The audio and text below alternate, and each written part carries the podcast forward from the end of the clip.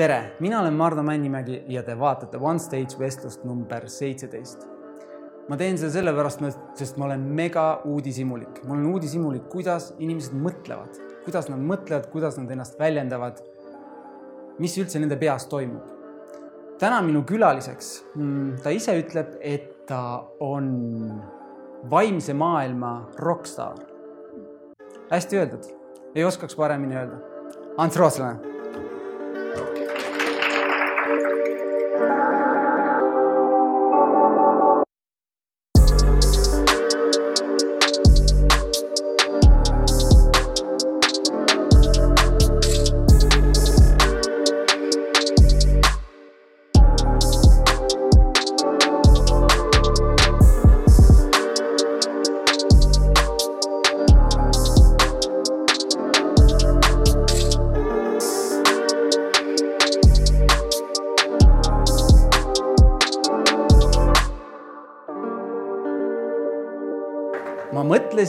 mõtlesin ja iga episood edasi ma tunnen, et mida ma teen, mida ma tutvustan kedagi, kes on, kes, kes on oma elus juba nii palju teinud ja tegemas. et need on ju sõnad. mulle meeldib, kuidas inimesed iseennast kokku võtavad. kes on Ants? sa kirjeldasid nagu pensionäri mind jah, mõtlesin ja mõtlesin. ma olen öelnud, mõtlemine ei ole minu tugevam külg ja, et äh, ja nüüd sa tahad teada, kes see Ants on, ma olen öelnud, et ma olen lihtne mees Ants äh, Kambjast na, natukene nalja tehes. ma ei oska öelda, kes ma täpselt äh, olen, ma arvan, et mul on hästi palju erinevaid osasid, et enne kui me siin alustasime, et ma olin natukene bravuurikas, aga meil läheb täna ka kindlasti väga sügavaks see vestlus. et minus on hästi palju erinevaid osasid ja, ja minu elus on see olnud ääretult raske neid osasid äh, omaks võtta, sest ähm, kui sul on nii palju justkui nagu isiksusi mingis mõttes, äh, mis vahetuvad või mida sa suudad nagu vahetada, et ma oleks, nimetaks seda võib-olla isegi kameelioniks natukene, et siis on teinekord psüühikal nagu raske aru saada, kuidas sellega toime tulla. aga aja jooksul ma olen õppinud äh, seda taltsutama ja täna ma siis suudan neid rolle hästi kiiresti vahetada vastavalt olukorrale aga kes see Ants siis on, see ongi müsteerium ja ma arvan, iga inimene on müsteerium iseendas, et äh, ma ei saa sulle täna sellele küsimusele vastata. sa oled kahekümne viie aastane. Õnneks küll. sa oled kahekümne viie aastane ja no mul on olnud selline harukordne võimalus, et ma olen nüüd kaks nädalat äh, Antsu kuulanud kõikidest meediumitest, äh, podcast'id, videod, lugenud artikleid ja, ja, ja mõned mõned nendest artiklitest ja, ja videodest on pärit aastast, äh, paar aastat vanad. ja ma kuulan sind ja, ja ma olen tihti mõelnud, et või noh, ma mõtlesin selle aja jooksul, et miks ma varem ei ole kuidagi jõudnud sinuni. kuigi ma tegelikult natuke luiskan, sest kolm aastat tagasi ma kuulasin äh, mm, Ausad mehed podcast'i ja mind täiega juba kõnetas see, kuidas sa väljendad, kuidas sa rääkisid inimestest, vanemad ja kõik. me võime ju öelda, et meil ei lähe see korda aga see ju täiega mõjutab meie otsuseid. seega ma mõtlesin, et kuidas on võimalik, kahekümne viie aastane äh, meesterahvas on, äh, on kuidagi nende probleemide ja asjadega põimunud juba nii noorelt, et ta, sa ei, kui sa räägid, on kuulda, et see ei ole raamatutarkus, oleks selline, just on selline tunne, et sa oled seda ise läbi kogenud vaata, need inimesed, kes räägivad asjadest väga lihtsalt, need on need asjad endale selgeks teinud. Need inimesed, kes räägivad lihtsatest asjadest väga keeruliselt, need ei saa ise öödega mütsi aru, millest nad äh, täpselt räägivad.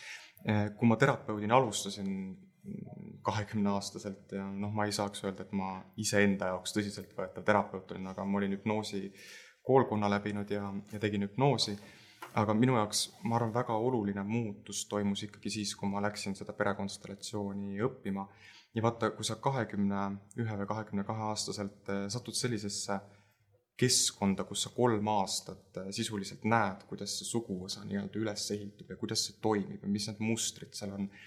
ja sa saad aru, et sul on tohutu eelis kõigi ees, sest teised on neljakümneaastased või viiekümneaastased ja neil on võin väljendada otse ja sitta sada korda rohkem. ja, ja mul oli, mul oli võimalik, et mul oli vähem, aga oli ka palju. ja, ja ma sain selle kiiremini lihtsalt äh, enda jaoks läbi töötatud ja aju oli ilmselt kuidagi noorem, võttis kiiremini muutused vastu. ja ma läksin hästi nagu lendu selle koha pealt. aga üldse siia terapeuti tee peale sattumine, ma arvan, et noh, ma ei ole ise valinud, ma ütlen seda teed, oleks tunduvalt lihtsamad olnud mõne, mõnd teist teed valida. Aga tõesti, kui ma esimest korda hüpnoosi kogesin, siis mulle öeldi sõna otseses mõttes hüpnoosiseansi ajal, et sa pead inimestega töötama. ma naersin selle peale, ma ütlesin, et käige pekki ja üheksateistaastaselt ja ma nägin rahvast, oli saal täis ja ma tegin midagi seal. ja siis ühel hetkel ma avastasin ennast äh, pool aastat hiljem terapeudi toolist, mõtlesin, mis asja ma teen siin. esimesed viiskümmend seanssi ei saanud üldse aru, mida ma teen nende inimestega. aga noh, ma sain aru, mida ma teen, aga ma ei saanud aru, kuidas see siis lõpuks nagu mõjutab inimest. Ja, siis ma kuidagi sukeldusin sellesse ja kasvasin koos oma klientidega. ja ma ütlen, et see ei ole olnud kerge tee ja minu jaoks see aasta lõpp on olnud ääretult raske. veel üleeile ma tundsin ennast, äh, ma ei saa öelda kohutavalt, aga aga kui mõelda seda, et see raamat, mis ma välja andsin, et see saavutas meeletu edu ja see müüdi tunni ajaga kaks tuhat äh, raamatut, et siis minu jaoks ma ei suutnud seda kuidagi hoomata. Ja mul tekkis, ma ei, ma mõtlesin tükk aega, mis asi see on, mis mul tekkis. ja mul tekkis tohutu väsimus. ja see oli nii suur väsimus, et ma jäin üle nelja aasta haigeks, ma ei ole haige olnud neli aastat, noh, mul on olnud geeniteemad ja nii edasi, aga mul ei ole olnud nohu ega köha ja siis ma olen siruli maas, mul endal on tegelikult jumala põnev olla, sest ma liikuda ei jõua, ma olen nagu pensionär, nagu sa just kirjeldasid mind. ja eile õhtul, vot ma mõtlesin, et mina rohkem ei viitsi, ma olen kuu aega olnud nagu kudend räim, vot rohkem ma ei viitsi. ja siis ma äh, käisin korra metsas ja ma läksin Pääsküla rappa, kus päeval oli inimene õhku lennanud ma ei tea, vabandust, et ma naeran jälle, eks ju, kohatu. jah, kes need eetikapiirid loob ja ja seal ma ühel hetkel otsustasin ära enda sees, et mul ei ole rohkem kaitset vaja, ma sain aru, et see väsimus oli mulle kaitseks. et ma ei, et ma hoiaks ennast nagu varjul. Jesper kogu aeg ütleb, et mine sinna ja tee seda ja mine sinna intervjuule, ma ütlesin, ma ei taha, ma ei taha, mul on nagu siiamaani sellest. ja eile käis see klõks ära ja ma mõtlesin, et oh, siia ma saan tulla ja siin ma saan olla tavapärane ants, et tekib see rõõmus olek nagu tagasi või kaob see väsimus nagu ära. et vaata, kui sa oled kahekümnendast eluaastast alates olnud ainult probleemidega, et ma olen kütnud kuskil kuuskümmend teraapiat kuus. ja minu arust esimene häirekell oli, kui Siiri Sisask ütles mulle laua taga, et praegu teed kuuskümmend teraapiat kuus, hiljem käid ise kuuskümmend teraapiat kuus. ja alates sellest hetkest, kui ta selle välja ütles, umbes niimoodi ka läks, noh, tera-, terapeuti otseselt ma ei vajanud, aga, aga ma tundsin, ma tunnen esimest korda, et eh, see terapeudi amet kui selline on minu jaoks eh, lõppemas. ja ma ütlen selle ausalt siin välja. Eh, see ei tähenda seda, et ma täielikult lõpetaksin. ma, ma alustan täiesti uute valdkondadega, aga ja ma jään inimeste juurde, aga, aga ma ei taha enam niimoodi individuaalset teraapiat teha, et ma olen, mul oli niisugune nagu murdepunkt ma mõtlesin, et kui minu üks õpetaja käis Eestis ja seal oli välja tõrjutud tunnetest väga palju juttu ja ma ütlesin, mind see ei kõneta ja sest ma enam koolitustel üldjuhul nii-öelda maski maha ei lase, et kui sa oled avalikus elus väga palju, siis tead, no sa pead ennast kuidagi mingi puu taha nagu varjuma. Ja, ja kui ma olen kuulnud, et nad räägivad seda lugu siis noh, linna peal edasi, et siis ma pigem nagu ei ava ennast, aga ma läksin sealt koolituselt koju ja ma ühel hetkel tundsin, et äh, ma olen täiesti nagu läbi kukkunud et ma olin oma assistendist teinud põhimõtteliselt tegevjuhi, andnud kogu vastutuse talle. Äh, tema oli ülekoormatud, mina olin ülekoormatud vastuvõttudega. ma ei jõudnud inimesi vastu võtta, ma sain kirju, kuidas inimesed noh, ei jõudnudki vastuvõtul, sest nendega juhtus teatavad õnnetused ennem ja siis ma tundsin ühel hetkel vastutust kõikide nende inimeste ees, kuigi noh, ma sain ju mõistusega aru, et ma ei vastuta nende inimeste eest. aga ma justkui tundsin ennast mõrvarina, päris otseses mõttes ja siis ma mõtlesin, et okei okay,, ma siis nutan. ja ma hakkasin nutma, helistasin assistendile veel ja, ja see kestis kolm tundi järjest. ma lihtsalt nutsin ja siis naabrid tulid välja ja siis see naine oli, nad olid purjus ja see naine provotseeris seda meest, tahtis, et teda lööks ja siis ma tegin akna lahti ja karjusin, tapke ära ennast ja siis ma hakkasin ise nii naerma ja siis ma tund aega naersin selle peale. no ja siis läks elu edasi. järgmine päev läksin teraapiat tegema. et, et see on selles mõttes et, et selles mõttes mul on esimest korda olnud raske sellel aastal, sest ma ütlen teile ausalt, ma tunnen ennast, et eh, noh, kui ma kahekümne aastaselt selle äh, nii-öelda hüpnotisöörina nii-öelda välja tulin, siis yeah. eks noore poisina loomulikult mul oli mingisugune ettekujutus, et ma pean saama kuulsaks ja nii edasi bla,, blablabla, mingid egosoovid olid ja, ja ma isegi tegin oma selle nime sisse programmi. ja teate, ma lõin nagu maagia selle nime sisse. ja miks ma sellest nimest loobusin, oli see, et ähm, alates kahekümnendast eluaastast mul ei olnud enam võimalik pikaajalisi suhteid luua. Sest äh, minu äh, energia oli fokusseeritud ainult ühte kohta. ma tegin nime sisse maagia, maksin selle eest, et ühest teisest kohast võetakse siis see energia ära. ja, ja mulle anti meeletu edu ja sellel aastal ma mõtlesin, ma ütlen ei, et ma ütlen lahti sellest hüpnotisööranduse nimest, esiteks ahistas mind ja ma olen ju lihtsalt äh, Ants Rootslane, et mul ei ole vaja mingit täiendavat, mingit turunduslikku nime. et, et see nagu eksitab natukene. mis kõigist nendest podcast idest ka välja tuli, mm, just mis sa oled viimasel ajal rääkinud, on see, et sind tegelikult, sulle, sind, sulle ei meeldi see, et inimesed käivad su juures kümme korda. sulle aastast aastasse sa tunned, et sa tahaks ühe korra inimestele lihtsalt teadvustada, kus nad on ja anda neile nii-öelda nagu, kui sa tahad sporti teha, annad talle harjutuse, mida ta võiks teha iseendaga. ja see on väga liigutav just sellepärast, et sa tunned, see ei ole kommerts, et ma käin muga nelikümmend korda, vaatame selle asja üle nüüd vaatame seda vasakpoolset poolt ka sul, eks ole, vaid just täpselt, et kuidas anda hästi kiiresti inimesele noh, just see teadlikkus. ma ise sind kuulates korduvalt äh, tundsin mingeid kohti, kus sa ütlesid, et äh, üks päev nutsid, ma tundsin, mul oli poeg süles, istusin diivani peal, mul tuli ka üks pisar kohe, et, et ma luban endale võib-olla tänu sinule rohkem tunda. ja, aga kuidagi vara, vara on see kõik juhtunud. Räägi natuke mm, lapsepõlvest hmm miks? esiteks, esiteks selle juurde tulles äh, sinu küsimuse üks osa oli ka see, et, äh, et ma ei, tõesti ei ole nagu hea käehoidja inimestele. et ma ei ole hea pikaajaline terapeut äh,. mulle meeldib inimesega töötada üks-kaks-kolm korda ja tegelikult äh, minu metoodikad on sellised, mis üldjuhul, kui inimese meeleareng on vähegi äh, nagu talutavas seisus, siis on võimalik väga suur muutus teha. Ja kui inimene tahab, et siis tal on võimalik vastutus võtta ja selle teadlikkusega edasi liikuda. aga kui inimene tahab rohkem sõltuvusse sattuda või hakkab käima sellepärast, et lihtsalt on tore käia, siis minu jaoks on nagu piir, et ma lihtsalt nagu vestelda ei taha, et minu jaoks on ikkagi vaja lahenduse suunas töötada. Eh, rääkides eh, lapsepõlvest, siis eh, mis sa teada tahad? keegi pidi nagu, nagu näiteks sina mingil määral, sinu, sinu info jõudis minuni, ma hakkasin natuke mõtlema, et kas, mis ja kuidas, kuidas ma suhtun oma vanematesse, millest ma võib-olla räägin natuke mm. hiljem siis keegi pidi sind ka ju samamoodi kõnetama kusagil, tegema nii-öelda selle esimese eh, visiidi, et, et eh, poiss, mis teed hmm. või, või, või sa oled põgusalt sellest rääkinud, aga iga kord ma ei saanud täpselt aru, mis see esimene mõjutus oli, mis pani sind. bussijuht ja ja ma olin väga emmekas laps ja, ja ma ei tahtnud lasteaeda minna ja ema viis mu siis bussi peale, siis ma röökides läksin sinna bussi peale, aga mulle tohutult meeldis see bussijuht ta oli nii lõbus, ta oli ka tuletõrjuja vabal ajal eh, pärast bussitööd siis. ja saad aru, eh, bussijuht rahustas iga kord mu ema maha, et ütles, et Ants järgmise kurvi peal juba naerab. ja, ja tal õnnestus alati inimestel nagu tuju heaks teha. Ja tead, eh, kuna mu isa oli rekkamees, siis teised vennad tahtsid nagu rekkajuhiks saada ja siis me mängisime nii-öelda rekkajuhti, aga mina olin alati bussijuht, sest mind tohutult inspireeris see, et ta, kurb inimene tuleb, eks ju, uksest sisse ja ta teeb ta tuju rõõmsaks ja ma mõtlesin, ma tahan ka bussijuhiks saada, no siin see buss on nüüd.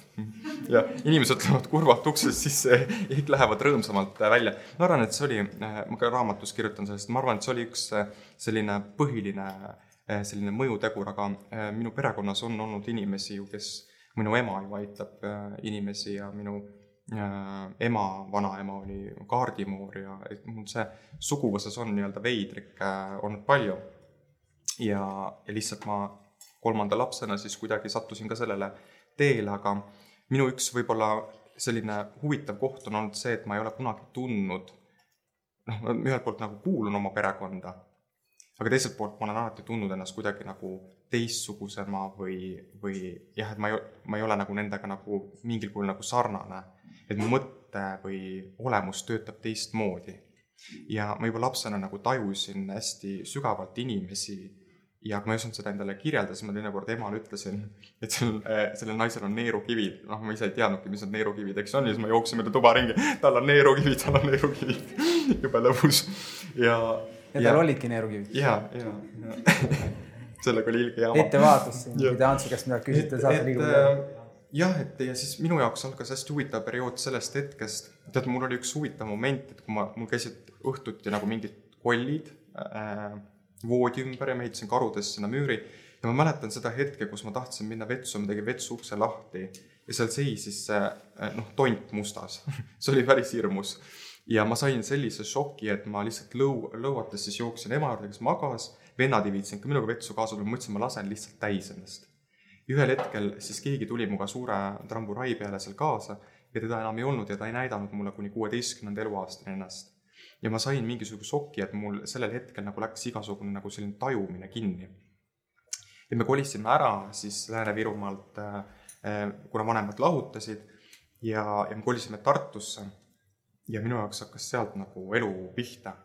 et, äh, et see kuidagi, see Tartu õhustik ja ma elasin Toomemäel ja seal oli väga palju müstikat ja mulle meeldis öösiti käia seal Toomemäel seiklemas. aga kas sa lubasid kohe endal niimoodi esoteeriliselt läheneda, et sõp-, olid sa, oli su ümber, olid su ümber sellised sõbrad, kellele sa võisid öelda, et kuule, tead, mingi koll oli mul seal WC ukse ees?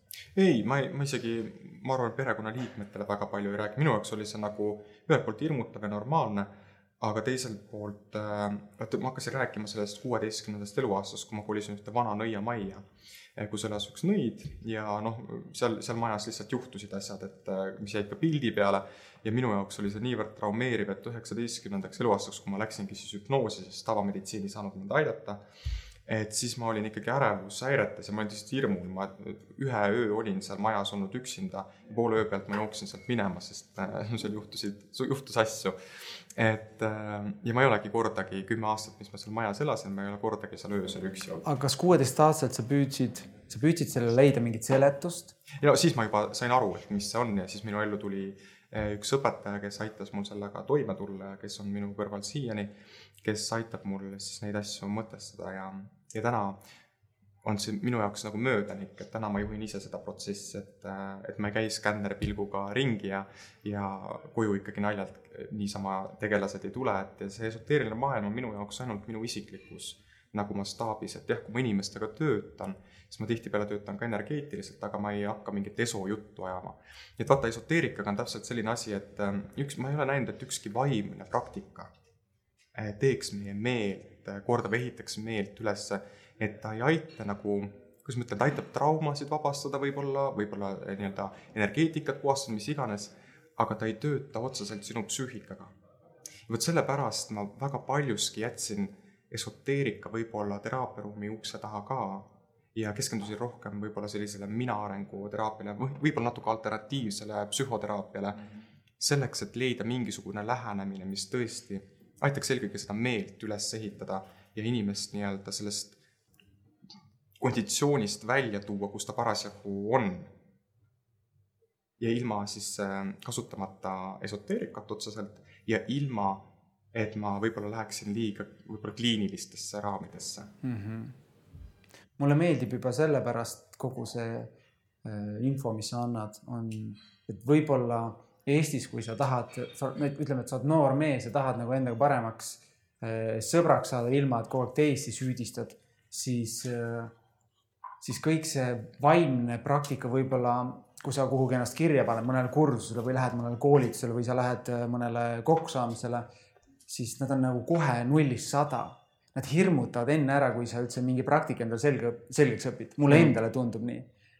Äh, mulle meeldib, et sinu puhul on see, see algne asi, et äh, sa kuidagi, see on nagu selle kümnest punktist esimene punkt, kui kuulata sinu äh, infot, lugeda su artiklit, siis saad ka aru, et kui ma ei saa oma vanematega läbi, ma ei saa endaga läbi, sa oled väga hästi öelnud, et, et kõigepealt saad endaga läbi, siis lähedastega, siis lapsed, mitte nii, et sa lihtsalt armastad kõiki teisi niimoodi, et endaga üldse ei tegele, kogu aeg oled jubedalt äh, pahuks, siis juhtub palju, läbi ei saa.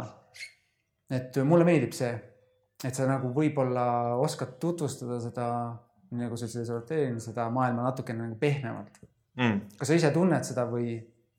mm.?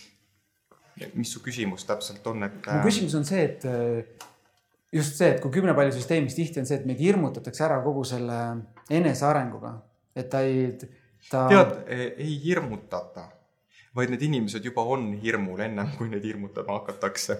ja inimesed toimivadki väga palju hirmu pealt ja me peame seda mõistma, et maailm on väga skisofreeniline ja ma mõtlesin ükspäev, ma lugesin ühte raamatut mm, ja, ja seal oli üks mees, härra Nobel. Mm, ja, ja Nobel esimeses maailmasõjale tootis väga palju mm, sellist sõjalist nagu tehnikat.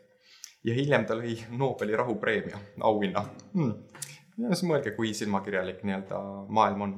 ja siis ma mõtlesin ka noh, sealt edasi, eks ju, et, et mulle pakuti ühte heategevusprojekti üks päev ja ma keeldusin sellest. ja siis ma hakkasin nagu mõtlema ka ja ma olen lugenud selle heategevuse kohta erinevaid filosoofe, kes selle üle on nagu mõtestanud.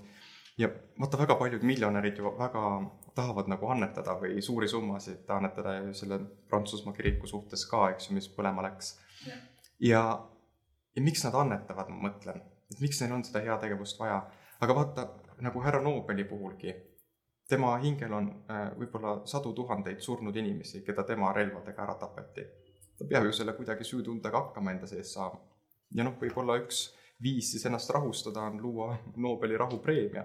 võib-olla üks viis on siis annetada äh, midagi kuskile. et me peame aru saama sellest nii-öelda sügavamast inimese nii-öelda toimimisest. et äh, noh, tulles ka siia nüüd süsteemsesse maailma Äh, me oleme kõik tulnud, meie perekonnad on tulnud kõik sõjaajast või küüditamise ajast, miks see ühiskond praegu nii leilis on või mille peale väga paljuski mängitakse psühholoogiliselt, on ju inimeste hirmude peale, just see vabaduse äravõtmise peale, mis iganes, eks ju. Et inimestel on väga suured hirmud, aga miks need hirmud sellisel kujul on, meie esivanemad küüditati ära, viidi sõtta, emad jäid üksi lastega. Ja nüüd, kui keegi karjub äh, kõva häälega, mulle, mulle väga ei meeldinud äh,, ma ütlen ausalt siin otse välja, mingi William Koval või kes iganes ta äh, päris nimega ei ole, karjus esimese laine ajal, et meie vabadused on kõik võetud. ja mida ta tegi sellega? ta aktiveeris nendes inimestes, kes teda jälgisid, aktiveeris automaatselt hirmu. ja vot nüüd inimestel tõusis valu ülesse. aga vot, kui sa tõstad inimestes hirmu ülesse, siis palun leia ka lahendust sellele et noh, minu jaoks hea lahendus ei ole see, et võitlus loob ainult võitlust, et äh, võitluses ei sünni nii-öelda mingit nagu protsessi äh, pikas perspektiivis, sest kogu maailm on kaoses. ja mulle meeldib väga, kuidas Igor Mang seda ütles, et see on kosmiline kättemaks inimestele.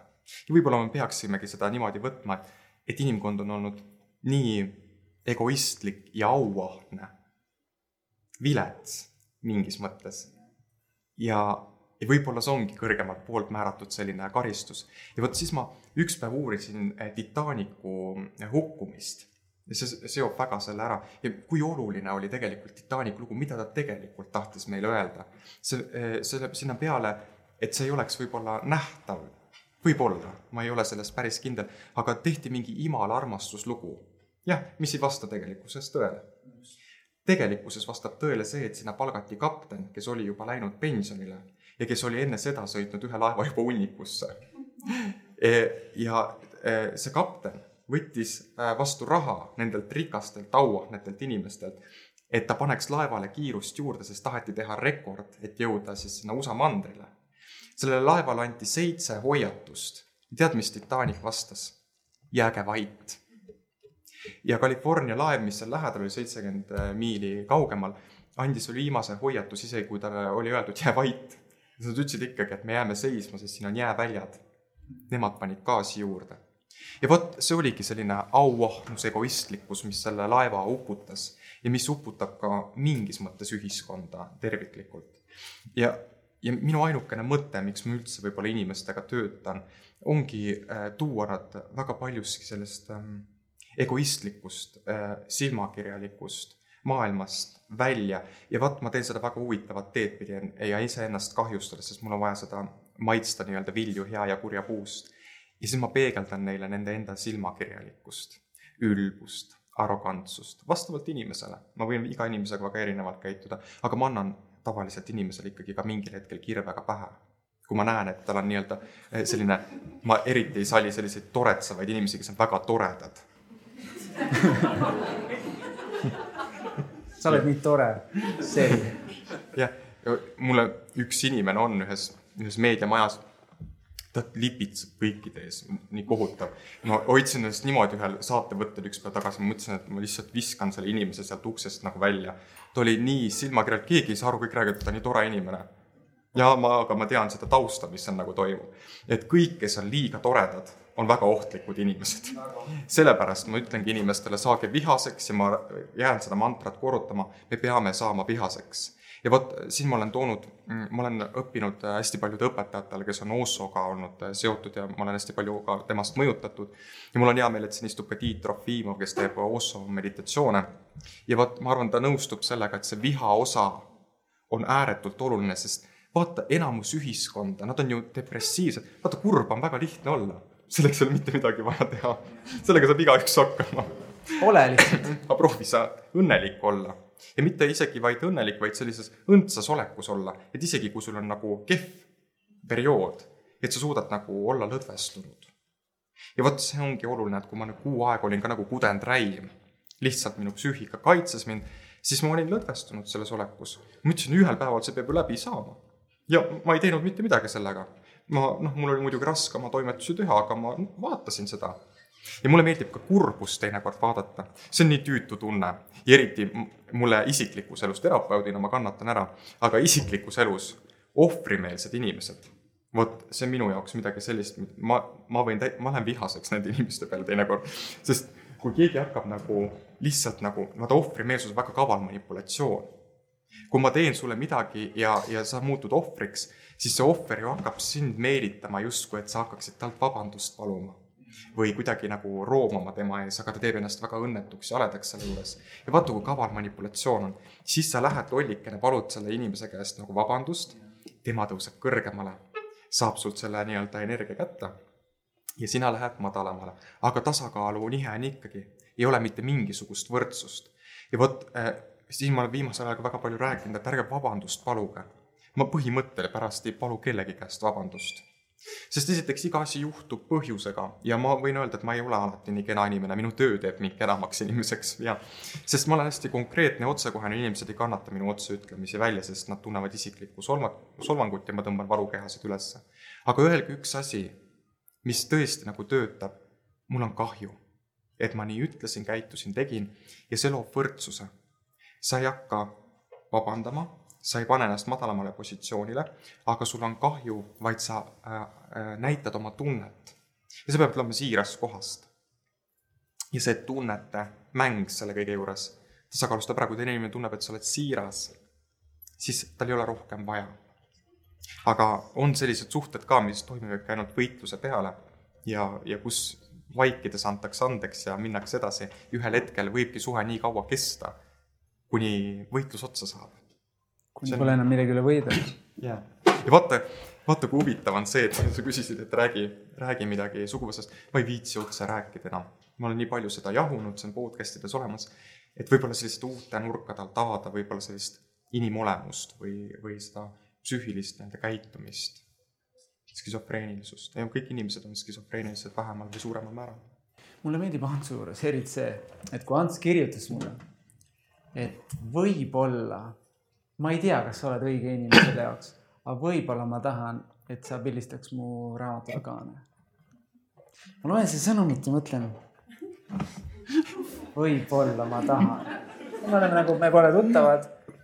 võib-olla sa, ma ei tea, kas see on sinu teema. ma ei tea, kas saad hakkama ja see oli nii äge muidugi ma kirjutasin absoluutselt, saame kokku ja, ja kui me läksime tulime stilistiga koos sulle külla mm., siis ikka tahaks nagu ligi minna, siis Ants istub diivani peal, ütleb palun istuge sinna. me olime nagu, me olime nagu teraapias, istume ük-, minu ja stilisti vahel oli kaks meetrit ja Antsuga oli kolm meetrit ja siis istume seal. ja äh,, mul on lihtsalt see, et ma ei lase väga lihtsalt inimesi ligi äh,. ma olen mõelnud äh, ja analüüsinud ja töötanud sellega. ja see on natukene selline huvitav protsess, et see ei ole minu valik see ei ole seotud otseselt traumaga, ma olen seda hästi palju vaadanud. kui, kes konstellatsiooni välja teab, siis ma olen pannud äh, selle välja. ja mul on ikkagi mingisugune saatuslik energeetiline jõud, mis ise otsustab, kes mulle lähedale tulevad ja mitte ja mul teinekord läheb harjumiseks aega et ma ei saa inimest lasta väga kiiresti lähedale, sest see võib mind kahjustada, sest kui ma olen väga avatud ja õrn, äh, mis minu äh, väga sügavam olemus on, et siis äh, lihtsalt seda on ka aja jooksul väga palju nagu lörtsitud või et ma olen sattunud äh,, ma olen hästi, lähen hästi usaldavaks võib-olla väga kiiresti. mul on tekkinud selline loomulik nagu kaitse ja kui ma näen, et inimene on nagu normaalne ja ma jälgin teda mingis mõttes, ma ikkagi analüüsin inimesi eh, ja vaatan, nagu sa seal teraapiaruumis ka, ma ütlesin sulle paar asja, et siis, eh, siis mind on enda jaoks ära, et kas see inimene on mulle energeetiliselt ohtlik või mitte. ja asi ei pruugi olla selles, et sa tahad mulle midagi teha või midagi sellist, aga mulle mõned inimesed, teatud inimtüübid mõjuvad väga laastavalt, et ma olen olnud selliste inimtüüpidega lähisuhtes, mis on mind viinud noh, geenikahjustuseni välja psühholoogilise šoki tagajärjel. Et ma väga nagu vaatan seda, sest ma, me väga paljuski ju ka avalikus elus, see on ju loomaaed. noh, ma ütlen välja, ma ise olen, tunnen ennast ka nagu puuris loom, keda riietatakse, kes, keda, noh, ma tulin täna lihtsalt teraapiaruumist Väike-Ameerika tänaval välja ja inimesed akna peal nägid, et ma tulin välja, nad kõik olid akna peal tead, ma mõtlesin, et andke mulle mingi kapuuts või midagi.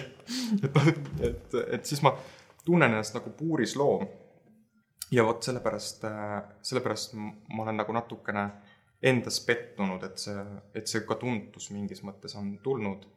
et see ei ole kerge. ja vaata, kui, vaata siin ka minu enda skisofreenilisus, ise ma seda tahtsin ja nüüd ma ostan kuskile Võrumaale metsade sisse maja, et põgeneda inimeste eest et käia laadimas. mul, ma tõin te,, tegin selle komplimendi, sest kui me selle, see sessioon lõppes, me planeerisime raamatu pildistamist ja mulle meeldis, ma tundsin kohe, et sa oled selles mõttes minu inimene, et me alustasime, meil oli idee ja see äh, pool tundi hiljem või tund aega hiljem oli hoopis teine. me, me töötasime selle raamatu idee puhul, see on, see ei olnud mitte midagi seda, mis see siin on mm. -mm. nagu umbes tuhat, kui tuhat protsenti võiks olla erinev, siis see ongi see. ja me rääkisime, rääkisime ja, ja mingi hetk ja kui me hakkasime ka seda pildistama siis äh, alustasime ühest kohast, lõpetasime teises kohas, meil oli olemas fail. mõte oli üks ja jõudsime üldse viiendasse kohta, et mulle meeldis see, et ma olen alati tahtnud äh, ka oma klientidega suheldes, et mulle ei meeldi nagu kaks korda sama asja teha. ja mulle meeldis Antsu puhul, Ants ainult mõtles edasi kogu aeg mm., edasi, et ta vahepeal nagu korra nagu mõtle, stilist ütles, et ma ei tea, kas see on hea mõte, Ants ütles, see on hea mõte Lähme mm, -hmm. et mulle väga meeldis see sinu. ja, need head mõtted ma tunnen ära, aga mulle väga meeldib see Felix äh, Laasmäe, kes tegi äh, meile siia selle südame. Äh, vaata, kui petlik see pilt on, eks ju. ühelt poolt see on justkui glamuurne diskopall.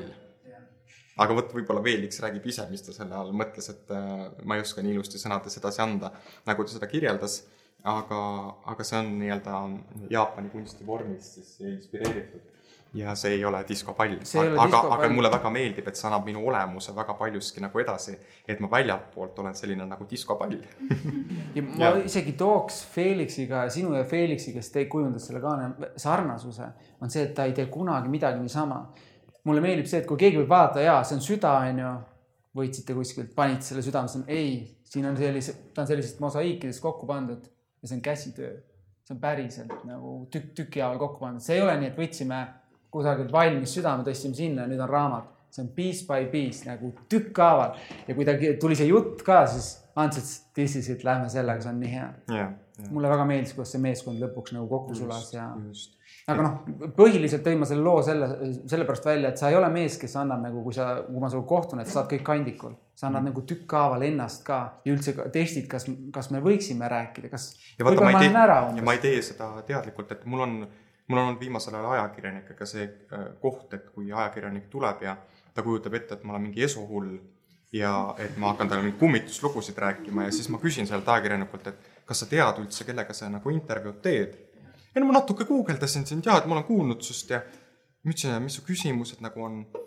ja siis ma ütlesin, et sa oled nii vilets nagu ajakirjanik, et äh, teeme nüüd niimoodi, et ma ise küsin, ise vastan ja sa pead sellest loo kokku kirjutama, sest sul on vaja see reedel nagu välja anda ja, ja ma ütlesin ka sellele ajakirjanikule, et ma rohkem sinuga koostööd ei tee. et äh, minu huvi ei ole ju seal äh, otseselt ennast eksponeerida. mul on ainult see, et kas ajakirjanik loob väärtust juurde. vaata, äh, see väärtuse küsimus on ka, et väga paljud ettevõtted tänapäeval räägivad sellest väärtuse loomisest. noh, see on kõik fassaad, et nüüd on ära õpitud, et nüüd tuleb väärtust luua, et noh, nüüd siis loome kõik väärtust. aga kas, kui sa hakkad sügavamalt vaatama, seal ei ole mitte mingisugust nagu väärtust, see on lihtsalt õhupall, mis on õhku täis. ja vot ka ajakirjanikud ei usu, nüüd hakkavad vaikselt uskuma, et isegi kui ma räägin täiesti nende jaoks nagu justkui suvalist juttu, siis inimesed on valmis seda lugema. ja on valmis äh, lihtsatel teemadel lugema, perekonnateemadel, mis iganes. et, äh, et see ongi see nii-öelda fenomen, et võib-olla, mis minu isik nagu suudab tuua need teemad nagu inimestele, et nad viitsiksid sellega tegeleda või seda kuulata. ja nad kardavad, et see ei müü, aga iga kord on nagu noh, kõik on nagu topis. topis jah mul see, see, see on tulles, tulles tagasi selle, mis sa ennem rääg- või mida ma sinu kohta ütlesin, ongi see, et sa teed selle lihtsaks, et sa kuulad seda hääletämbrit ja seda tempot ja, ja, ja paned mõtlema, sest väga lihtne on öelda, et see tüüp on hull mm. -hmm. igaüks võib nii rääkida. kas sellega on midagi valesti? ja vot see ongi selle asja juures, sa oled korduvalt öelnud, me oleme kõik need skisofreeniast natuke siin ja, ja, ja me ja vaata need normaalsed inimesed, ma loodan, et siin neid väga palju ei ole Nad on nii igavad, nad on igavad elutud inimesed, et äh, ega Hoosso on ju öelnud, et ka abielus inimesed on mingis mõttes nagu surnud inimesed. ja ma väga pikalt nagu mõtlesin selle peale, mida ta nagu selle all nagu mõelda tahab.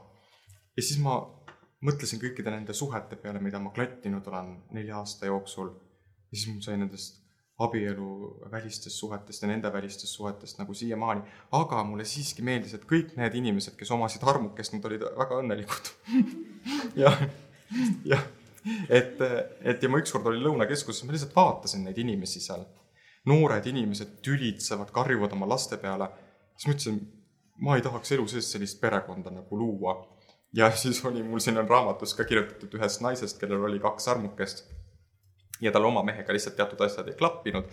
ja tema tuli, tema oli nii särav, sest tal mees kõik, eks ju, ostis ja tal oli kaks armukest, kes katsid ülejäänud asjad ära.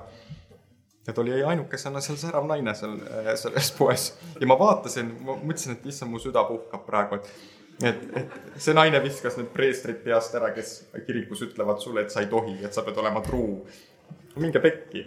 et, et, et ma, ma arvan ka, et hästi palju erinevaid liiki suhteid proovides me saame väga palju erinevaid kogemusi, et me saaks üldse aru, mis inimtüüp meile võiks nagu sobida. sest eh, inimolemus on niivõrd keeruline, niivõrd eh, spetsiifiline, nii paljude varjudega, meie partner hakkab ju meie sisemist last meile peegeldama. ja kas see on mugav siis, vaata inimesed ka siin selle koha peal hakkavad tihti ära jooksma mm.. jooksevad minema, sest liiga valusaks läheb. ja valu juures on noh, kolm liikumist, eks ju, kas ma lähen valu juurde, valu juurest ära või hakkan siis sellega nii-öelda töötama mm.. et aga tihti minnakse valu juurest ära või projitseeritakse see kellelegi teisele. Mm. ja samamoodi teevad ka protestijad, ükskõik mille vastu nad protesti-, protesteerivad, nad suunavad oma valu, mis neil üles tuli, valitsusele ja sellepärast ma olen ka öelnud, et mul on Kaja Kallasest kahju. inim-, inimlikult on mul tast kahju Eh, see võib talle tõeliku fiaskona lõppeda, kogu see protsess, mis praegu käib. ta ei saa võib-olla sellest ise aru, mis hiljem juhtuma hakkab. Et eh, ja sellised ametid on süsteemsed ametid. vaata, toome ühe huvitava faktori, oletame, noh, see on oletus, me ei kinnita fakti, aga on selline teema välja käidud nagu, et Siim Kallas pani need miljonid turki, eks ju, kuskile sealt, viis ära. Mhm. kakskümmend, ei, mis kolmkümmend miljonit? ja, ja vaata, kui meie süsteemis on keegi varastanud ja teinud kahju siis järeltulevad põlvkonnad hakkavad seda tasakaalustama. ja see tasakaalustamine võib välja näha siis praegu täpselt selliselt, nagu see käib.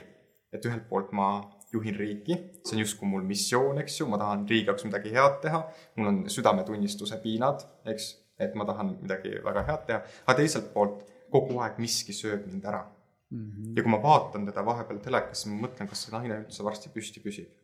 et see on ühe naise jaoks naiseliku energia jaoks ikkagi väga kohutav ähm, seisund, kus nagu olla. ta on nagu, võib-olla ma liiga palju temast räägin, aga ta on niisugune nagu kivine.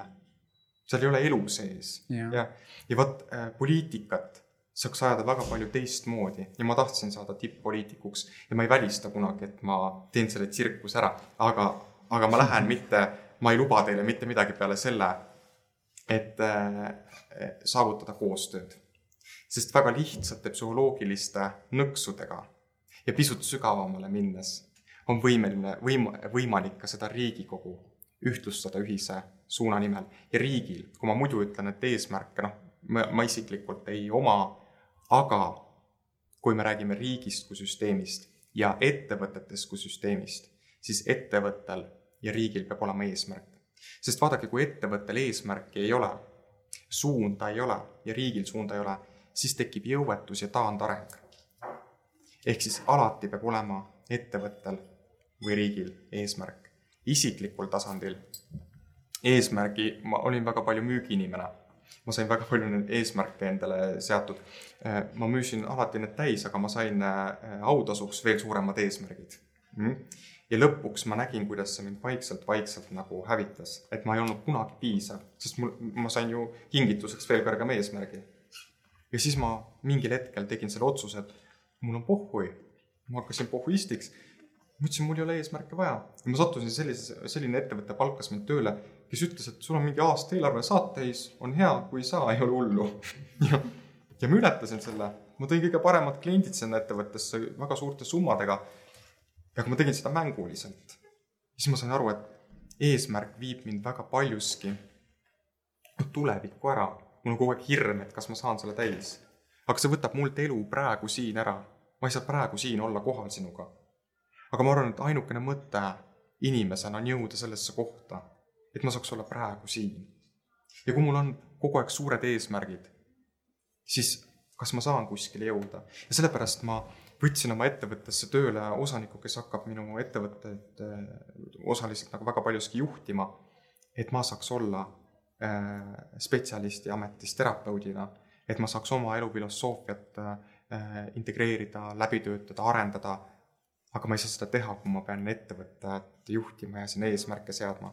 et see väga strateegiline samm ja see oli nii huvitav, kui ma, meil hakkas just, ma hakkasin õppima äri, äri nii-öelda süsteeme. ja minu õpetaja ütles kohe, et Ants, sa oled läbi põlenud. minul kohe protest siis käimas. ma ütlesin, et ma ütlesin talle, ei, ei, ma ei põle läbi. unusta ära. ja ta näitas mulle väga lihtsalt ära, miks ma olen kurnatud. ta pani välja asutajaliikme ta pani välja nii-öelda siis justkui nagu süsteemis peaks olema tegevdirektor, eks ju, kõik muud sinna juurde. ja ma olin, mul on kaks ettevõtet ja ma olin kahes ettevõttes kaheksas rollis. kõik kastid olid Ants. aga teraap-, terapeut oli see viimane nagu kõige madalamal astmel selles ettevõttes, ehk ta oli spetsialist, keda siis ülevalt poolt nagu juhitakse. aga ma olen turundaja kõikides muudes rollides ka. ja loomulikult psüühika on kurnatud. ja kui sa oled äh, suutnud vastu pidada neli aastat sellises äh, positsioonis, siis on äh, noh, loomulik, et nüüd, kui tuleb väga suur mingi edulaine, et siis äh, psüühika teeb sellise lükke, et ta paneb mind nagu uinuvasse režiimi, teeb mu jõuetuks. ja vot äh, seda ma nautisin ja siis ma mõtlesin selle edu peale. noh, ma ei tea, et see ei, nagu ei tähenda minu jaoks nagu väga midagi, et ma olen selle sees iga päev. aga ma mõtlen, kui ma lähen sinna Võrumaale, kütan seda olematut maja, mis ma ostsin, mida ei tohiks tegelikult kütta, aga ma lihtsalt tahan sellepärast, et tuld teha. ja, ja siis ma mõtlen, et siin ma saan olla nagu inimene. et siin, siin mul ei ole, siin ma ei ole mingi ebajumal kellegi jaoks või, või kui ma käisin Saaremaal, mulle väga meeldis seal, aga ükskõik, kuhu ma ka ei läinud, meid kutsuti erinevatesse kohtadesse, käisime seal oma seltskondadega, aga igal pool oli see küsimuste vastamise voor. Ükskõik kuhu ma läksin, kuule, kes siin käib ringi, kas siin kummitab, kuule, mul on need, need teemad aga ma olen nagu kakskümmend neli seitse tööl, ükskõik kuhu ma ka ei lähe. ja siis mind on väga palju nende inimeste seltskonda, kes ei küsi mult mitte midagi või kes lasevad mul olla lihtsalt see tavaline Ants, et täiesti mõttetu inimene. ja tead, mõttetu inimene on väga hea olla vahepeal, sest keegi ei taha sinust mitte midagi. ja siis ma vahel ajal, vabal ajal olen nagu loll peast, et ma ei mõtle väga palju. ja minu analüüsivõime on väga vähene. aga, aga siis, kui ma tööle, tööle lähen justkui nagu, see on nagu teine roll ja siis hakkab kõik nagu tööle. ja olenevalt siis inimestest ka, et kui ma näiteks koolitusi teen, ma ei anna kunagi inimestele rohkem, kui nad on valmis vastu võtma. ma ütlen neile, et ega minu vastutus ei ole täna see, kuidas see päev välja kujuneb või kuidas see intervjuu välja kujuneb. see on nende inimeste arenguline vastutus. kui neil ei ole arengulist kohta, kui ma näen, et nad ei ole nii sügavad, siis ma ei lähe nendesse sügavatesse teemadesse, sest muidu ma nagu lähen ise nii sügavale aga ma ei suuda neid nagu sinna reaalsusse kaasa tõmmata, sest neil ei ole seda kohta veel. ja siis mul jääb nagu halb tunne, et, et ma nagu tahtsin pakkuda, aga neil ei olnud võimet nagu vastu võtta. ja vot siis iga selline koolitus või esinemine on väga erinev. no telest ma ei hakka üldse rääkima, sul on, sul kaksteist või kaheksa minutit, eks ju, räägi kõik ära palun korraga. räägi ära kõik, mis sa tead. jah, et, et no see on, see on huvitav ja no kahekümne viie aastaselt seda kõike nagu teha ma ei tähtsustaks seda vanust kuigi see on jah, fenomenaalne. Kuldsed sõnad. tagasihoidlik, sa ei ole tagasihoidlik, ma tahtsin öelda. ma arvan, et tagasihoidlikkus ei ole voorus, et kui sul on ikkagi, vaata, sa pead inimesi inspireerima.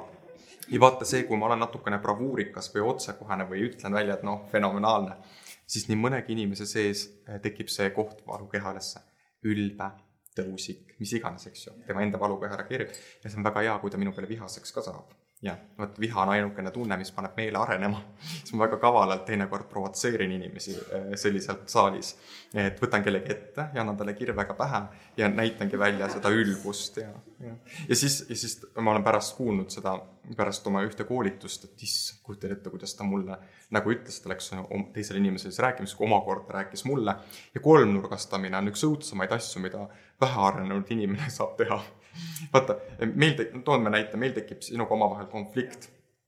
ja, ja sa ei saa selle konfliktiga enda sees hakkama, sa tõmbad sinna selle naisterahva sisse ja ütled, et Ants on debiilik. ja, ja, ja siis me lepime omavahel ära, ta on sulle andnud vahepeal nõu isegi ja nüüd me koos otsustame, et see naine oli ise debiilik, ta andis sulle kehva nõu ja tema pärast me üldse olimegi tüllis. unustades ära üldse selle kõik eelneva yeah..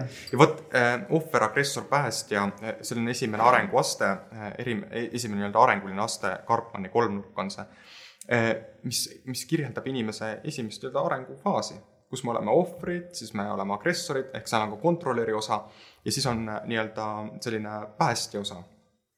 ja vot järgmine aste, mis sealt äh, võiks nii-öelda tulla sellest kõigest, et agressorist võiks saada strateeg. jah, ja sellest päästjast võiks saada filosoof.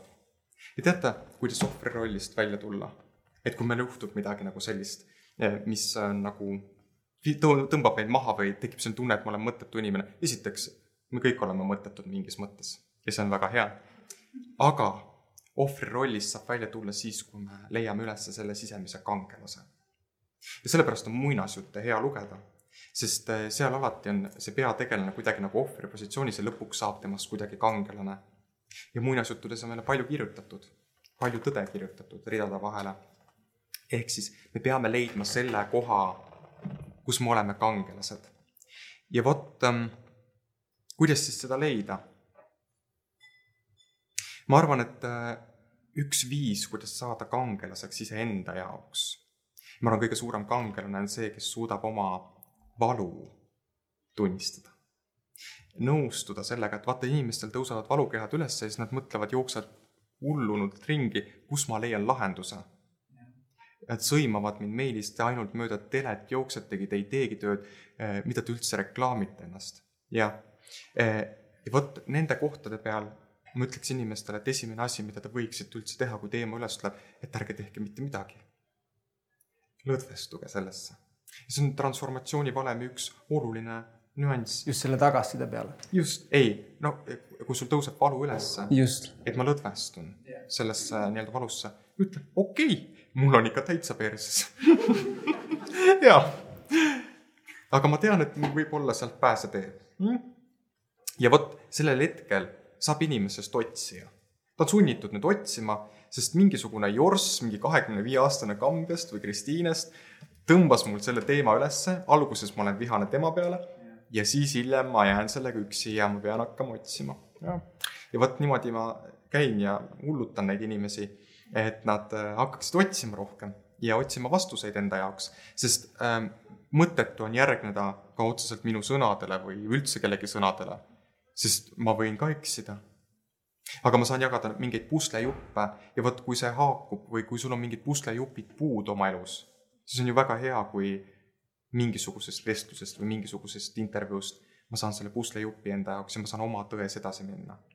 vot see oma isikliku nagu pärli lihvimine, vot minu jaoks on inimese pärl väljas sellel hetkest, sellest hetkest, kui ta toob oma ande nähtavaks.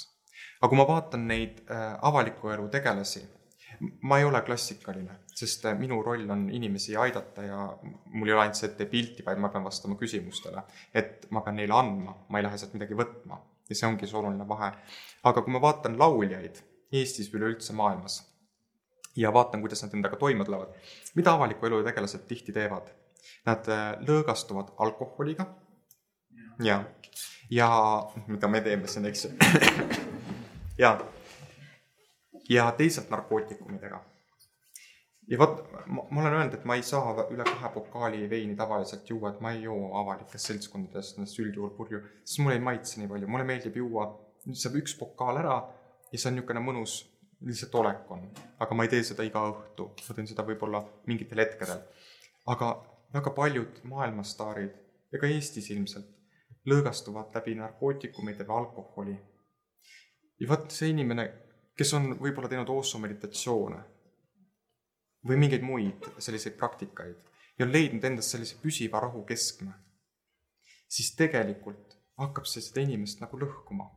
kui tema ümber, minu ümber on väga palju kreisisid inimesi olnud.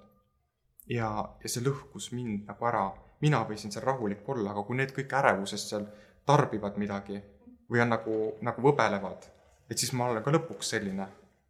Ja siis ma mõtlesin, kas ma tahan, et kas see on minu allakäigutrepp, kas ma jään sinna või ma lasen ennast välja tõrjuda. ja vaata, ma tegin kõik selleks, et ma ei saaks välja tõrjutuks. aga lõpuks ikkagi juhtus ja ma sain aru, et minu alateadvus oli targem minust ja ta tekitas olukorrad, kus mind tõrjuti väga paljuski. ja ma ütlesin, jumal tänatud, et ma jäin ellu vähemalt. ja siis ma vaatan neid odavaid koopiaid ja mõtlen, üks tahab Rihanna moodi olla, teine ütleb, ta tahab Beyonce olla. jah. aga miks sa ei taha olla lihtsalt see, kes sa oled? ja miks sa tahad lauljaks saada, kui su hääles pole grammigi jõudu? lihtsalt kuulsuse pärast. vot Siiri Sisask on, ma arvan, üks väheseid naisi Eestis, kelle hääles on tõesti jõudu, naislauljaid. tõesti superstaar. just sellepärast, et tal on anne, mille ta on lihvinud nii ilusaks ja ta on inimesena väga otsekohene ja ilus. Mm.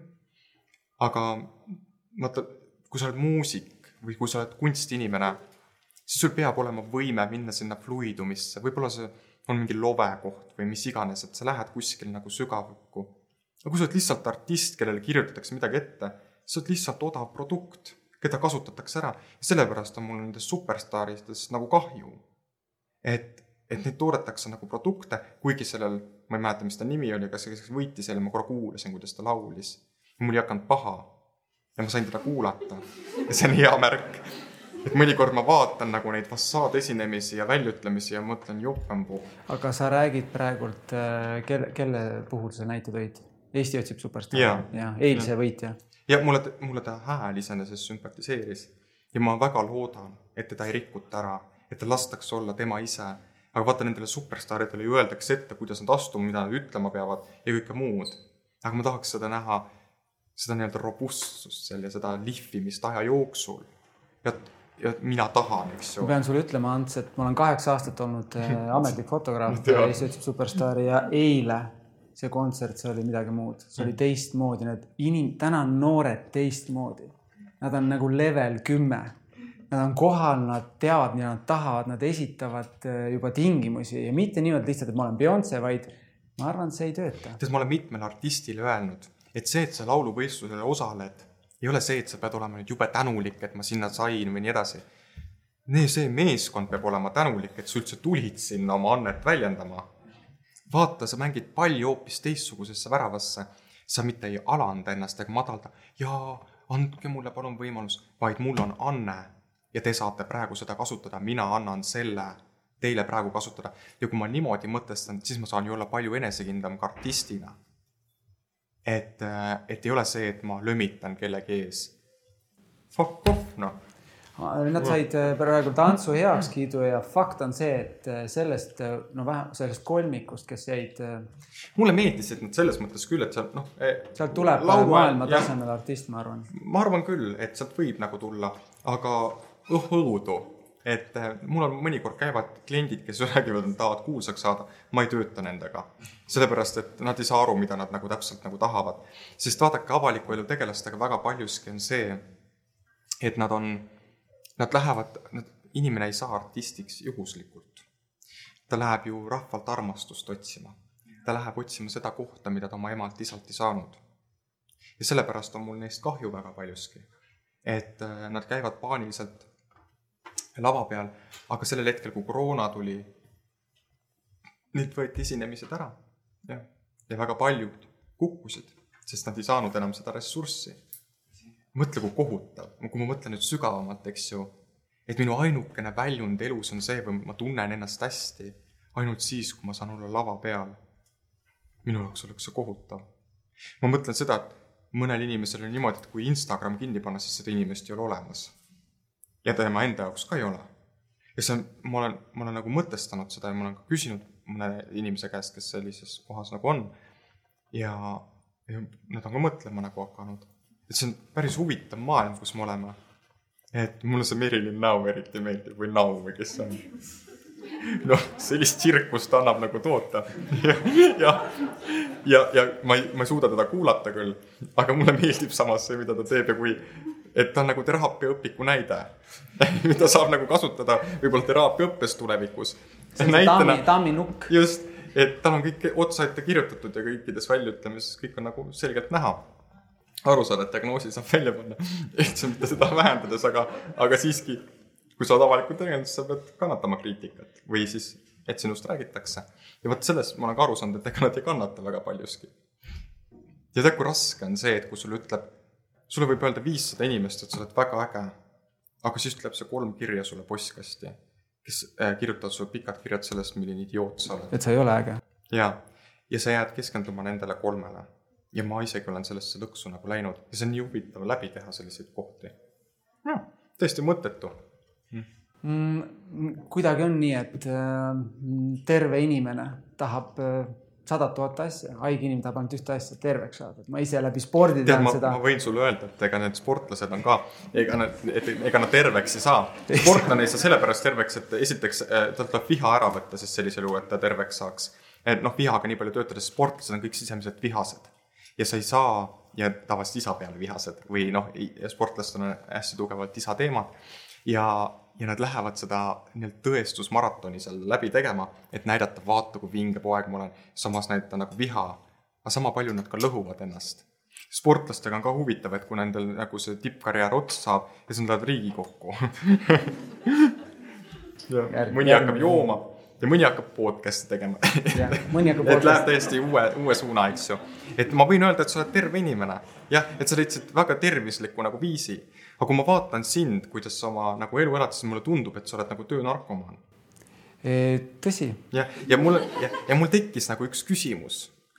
et kas sa tunned, et sul on õigust elada ainult siis, kui sa töötad? see on väga hea küsimus.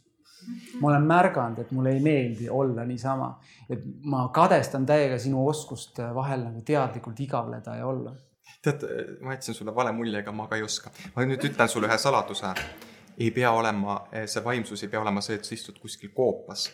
kui ma olen sellises elutsüklis, kus käib möll, siis minu meel suudab olla ka nii-öelda sellises rahufunktsioonis või et minu meel aktiivses olekus genereerib kõige paremini uusi asju.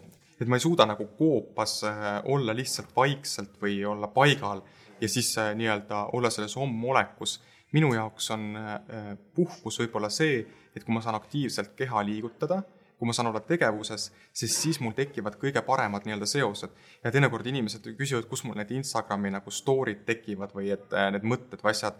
see on niimoodi, et see tuleb nii kiiresti nagu pähe, teg-, võib-olla teinekord autoroolis või mingi esinemise ajal või mis iganes ja mul on see, et ma pean selle nii kiiresti ära kirjutama, sest see läheb ära. noh, ma ei mõtle selle peale, see lihtsalt tuleb. mõnikord seal on hästi palju trükivigu, siis ma hästi kiiresti kirjutan selle. sõidu ajal. aga kes ütles, et ma ei või? jah pangu vangi.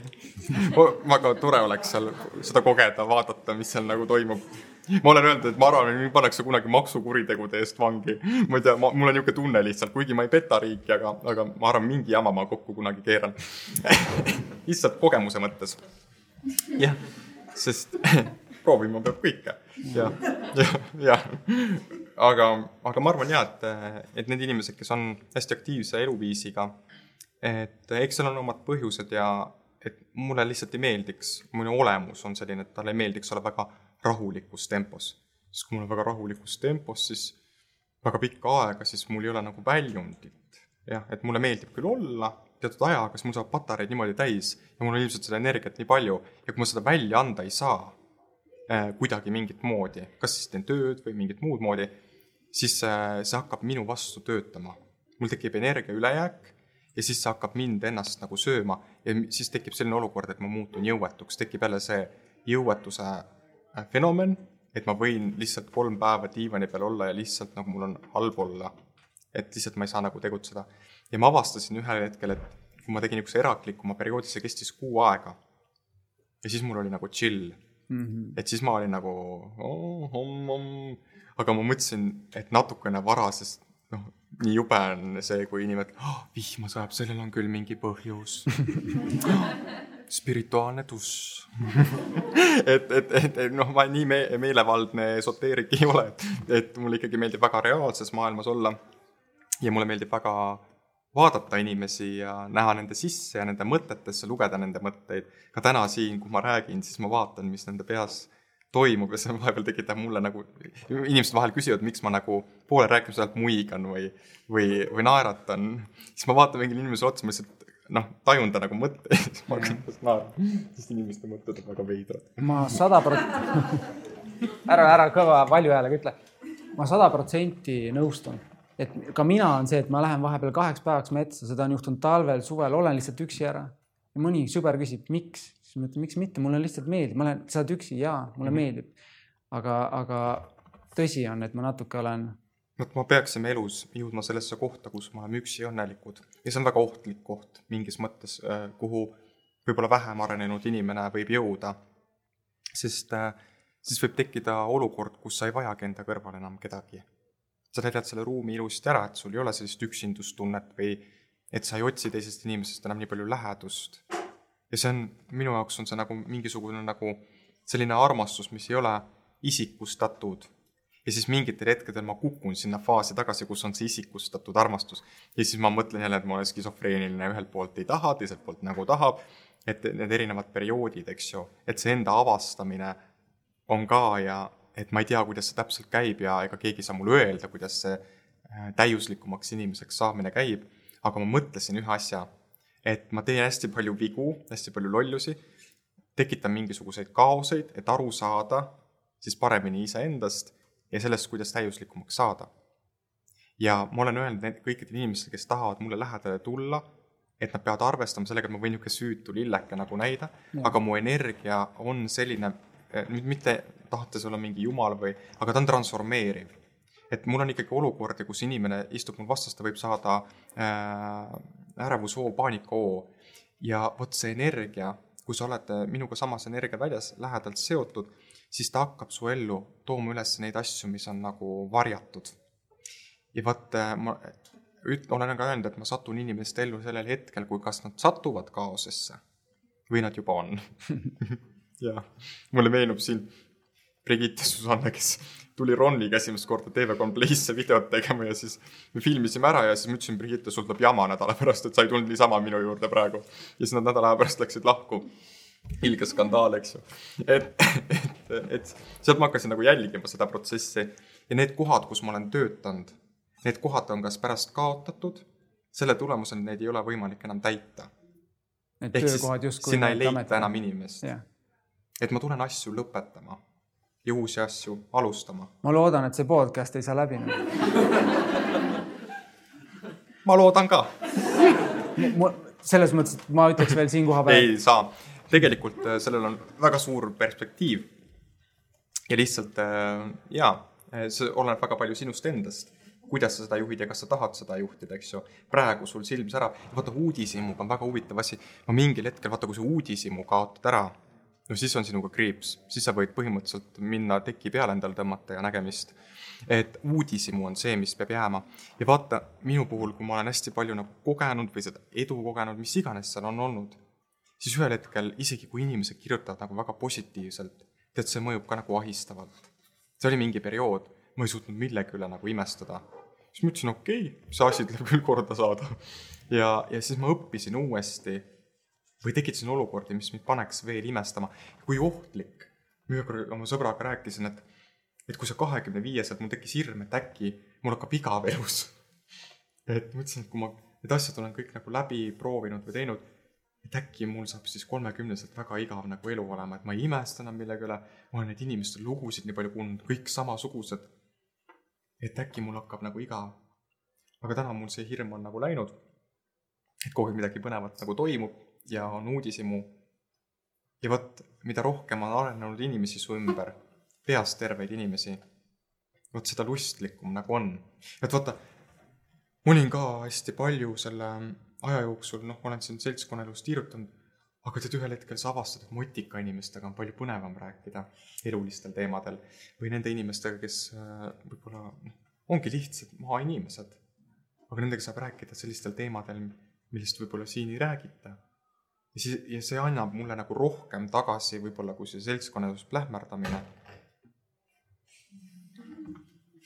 ja, ja ma tundsin, et ma tahan sealt välja. ja täna ma ei käi väga palju kuskil, et, et ma arvan, et see oli nagu oluline periood. aga see ei tähenda minu jaoks midagi nii äge, et sa tood selle uudishimu välja, et igalühel võiks olla selline vestlus iseendaga, et mis, mis teeb mind, see, et siin see toimiks, see on seotud kaheksa inimest, see on iga kord väga keeruline. ma olen äh, poolteist kuud nüüd isa. Kakskümmend minutit enne. kuidas on isa olla? ma olen nüüd intervjueerija rollis. maailma parim kuidas tunne. sa selle rolliga ikkagi hakkama saad see selleks. kakskümmend viis minutit, kakskümmend viis minutit enne siia jõudmist äh, ma tegin veel pojale otsaette musi keeruline ära tulla, tulen siia, Ants juba ootab, meeskond on teinud suurepärase töö, kõik on püsti ehitatud. väga äge, see on nii keeruline seda event'i siin tekitada ja see hoiabki mu uudishimu kogu aeg nagu hästi üleval mm. -hmm. ma teen endal selle nii raskeks, et kui midagi Vot- läheb hästi, me võtame järgmise leveli. vot siin on see koht, mis mulle sinu juures võib-olla natukene nagu, ma ei ütleks häirib, aga väga ohtlik on jah. ma pean endale asja raskeks tegema, et mul oleks põnev. lihtsamalt saab ka ja et ja siis, siis on see, et mul peab olema, vaata sinu dünaamika mingis mõttes on see, et, et selleks, et ma saaksin tunda nagu õnne või rahu, selleks peab olema mul raskust elus. Jah, see on sportlaste selline. see on puhta sportlaste sündroom. ja, ja seda annab ravida, aga no seitseteist seanssi. aga kui see, kui see sind äh, toetab praegu ja see loob sellist väärtust, siis ma ütlen, et traumad on väga kasulikud asjad. ühe mehe trauma võib tekitada sellise asja, noh, noh piltlikult öeldes ja see on väga äge, et kõiki traumasid ei pea ära lahendama, sest eh, trauma loob meile isikupära ja loob meile sellise olemuse, et me oleme karakterid. Ja tihtipeale trauma peale me ehitame üles selle varjamise peale, ehitame väga suure edu ülesse. aga vot, me täna loosime ka siin välja selline edukuulsus ja mis ahnus või mis iganes see raamat oli. et ma olen seda lugenud, aga ma ei mäleta, mis need kolm sõna seal oli. et, et selle Oosso ütleb ka selles raamatus, et edu on nagu soe õhk. jah, et naudi, kui ta on kohal. aga ära tööta kunagi selle nimel, et see, et sa töötaksid edu nimel. tööta selle nimel, selle kunsti nimel, selle inspiratsiooni nimel, selle sügavuse nimel, et sa saaksid seda kogeda. et sa oled selles nagu sees ja lase sellel edul juhtuda ja vot seda filosoofiat ma olen nagu alateadlikult oma elus kandnud, et ma ei tee ju sellepärast seda vestlust sinuga, et see saaks kõige populaarsemaks, et ma hakkaksin äh, selle Mustoneniga äh, võr- Mustonen. jah, et äh, väga ägeda sõnavaraga tüüp ja, ja no ma ei tahaks üldse võrdsustada ennast. ta on humorist, minu arvates mingis mõttes oleme me ka sarnased. jah, tema teeb huumori läbi inimestel tuju heaks. mina teen teistmoodi. ja ma, Ma teen aga teinekord nad kurvaks, jah, ja, ja ma ei mõttes võrdleks teid äh, sellel, kogu sellel podcast'il on sada üksteist episoodi mm. -hmm. ja võib juhtuda, et kusagil tuleb nii, et mul on keeruline seda teha. mm. -hmm. ma ootan huviga. Mm -hmm. Ma, meil lihtsalt aeg on lennanud nii hullult, me võtame küsimused, mõelge nende küsimuste peale, mis te Antsult küsite. Ants võiks filosofeerida iga küsimusega tunni. mõelge päriselt, mis teid huvitab, mitte see, et vaata mu sisse, mis Tead, ma homme peaks tegema. Saaremaal oli selline julgu, ma esitasin seal raamatut ja siis üks inimene ütles, teate, ma küsiks küll, aga te olete öelnud, et küsimustele järgneb küsimused, et ma ei julge midagi küsida ma ütlesin, väga õige. Ja, ma ütlesin, küsi endalt ja leia vastus. võib-olla lihtsalt küsime, lõikan pärast välja aga. tänan ja. me võtame viis küsimust. esimene noormees, sulle tuleb kohe mikrofon. Reiko, ole hea, siin keskel. mass, ma võiksin öelda, et võta ära mask, ma ei kuule sind muidu. mask maha. ja tema just. kuulete, jah? Super mm. -hmm. et äh, me oleme väga, väga palju toredaid ja lahedaid selliseid arendavaid pusletükke saanud ja oleme rääkinud ka sellist ande võib-olla arendamisest, aga võib-olla see küsimus on, kuidas see anne enda seest üles leida, et ei juhtukski seda, et oled hääletu laulja või, või teed täiesti mingit valet asja. et võib-olla selline potentsia-, sisemise potentsiaali leidmise küsimus, sest ressursse meie ümber on, aga pot-, ma lihtsalt on, jääb kuidagi tunne, et ka erinevatest peredünaamikatest tuleb mingid, võib-olla mingeid asju kaasa, mida saaks kasutada, aga lihtsalt ei oska veel leia üles.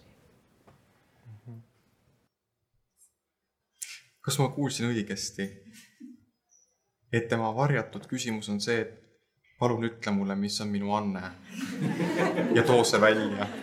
mulle tundub. ja mulle tundus, et ta andis vastutuse mulle. et eh, ma peaksin selle ande nüüd välja tooma ja vot, ma ei oleks nii julm selle inimese suhtes, et ma võtaksin selle vastutuse talt enda peale ja ütleksin talle, mis on tema anne. või et mis on see pärl, mida ta peab siia andma. sest inimeste olemus on väga erinev. selle inimese konkreetselt, kuna sa küsisid, ma ütlen otse, üks pärle või selline saatuslikke teid on kõigepealt aru saada just sellest samast asjast mida sa sealt isalt oled kaasa võtnud ja mida sa oled seal kogenud. ja mis suhe on emaga mm. -hmm. ja vot, sa ei saa olla terviklik inimene, kui sul on seal väga palju lahendamata või üleseotusi mm. -hmm. ehk siis meie pärl lööb särama sellel hetkel, kui me individualiseerume ja see on ainukene, mida ma inimestele tegelikult tahaksin öelda. et te peate selle, ähm, see raamat ütleb seda et te peate sellest tõeelast süsteemist välja saama, mitte seda hukka mõistma, vaid nõustuma kõigega, mis seal on olnud ja leidma tee eraldumisesse, emotsionaalselt eralduda. et siis, kui su emal või isal midagi juhtub või kui nad sulle midagi ütlevad, et see ei tekitaks sinus enam protsesse. et nad ei manipuleeriks sind tagasi selle süsteemi orjusesse. ja siis sa, siis sa enam ei küsi mult seda küsimust, kes ma olen või kelleks ma pean saama. sest siis sa saad juba aru, kes sa oled ja kelleks sa oled saanud. ja see on sinu üks teekond, mida sa pead leidma, üks elu esimesi, ma ei tahaks tuua, sõna karma, aga siiski ma toon selle e, elu esimeses tsüklis me peame läbi töötama selle, mis on nii-öelda võib-olla eelmistest eludest üle kantud, aga ka suguvõsast kaasa tulnud. et ma saaksin sealt vabaks ja et ma saaksin lendama hakata. jah. kas ma vastasin sulle? Ma arvan, et äh, kõik vastused selles suhtes on õiged, et, et leida see ressurss sealt vastusest. väga hea, et sa ütlesid seda, et äh, leida ressurss vastusest. mulle meeldib see, sa said aru, mis ma tahtsin öelda. Mm. ja ma siiski, ma veel ütleksin, sa mees pead vihaseks saama.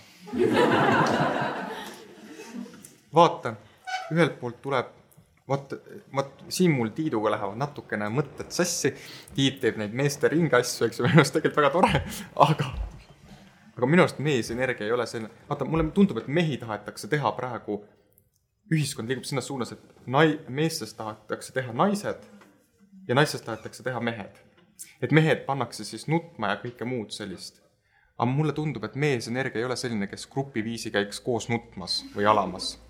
jah, mehed käivad kalamas Äh, kalal tähendab ja jahtimas ja nii edasi. aga sinu üks, ma ütlen selle otse välja, sest meil ei ole isiklikke lugusid, meil kõigil on sarnased lood. esiteks see kurbus, mis sinu sees praegu üles tuli ja väga tugevalt terendab, sa pead saama vihaseks. kõik kurvad inimesed tuleb ajada vihaseks ja vihased inimesed kurvaks. jah, see on terapeutiline reegel.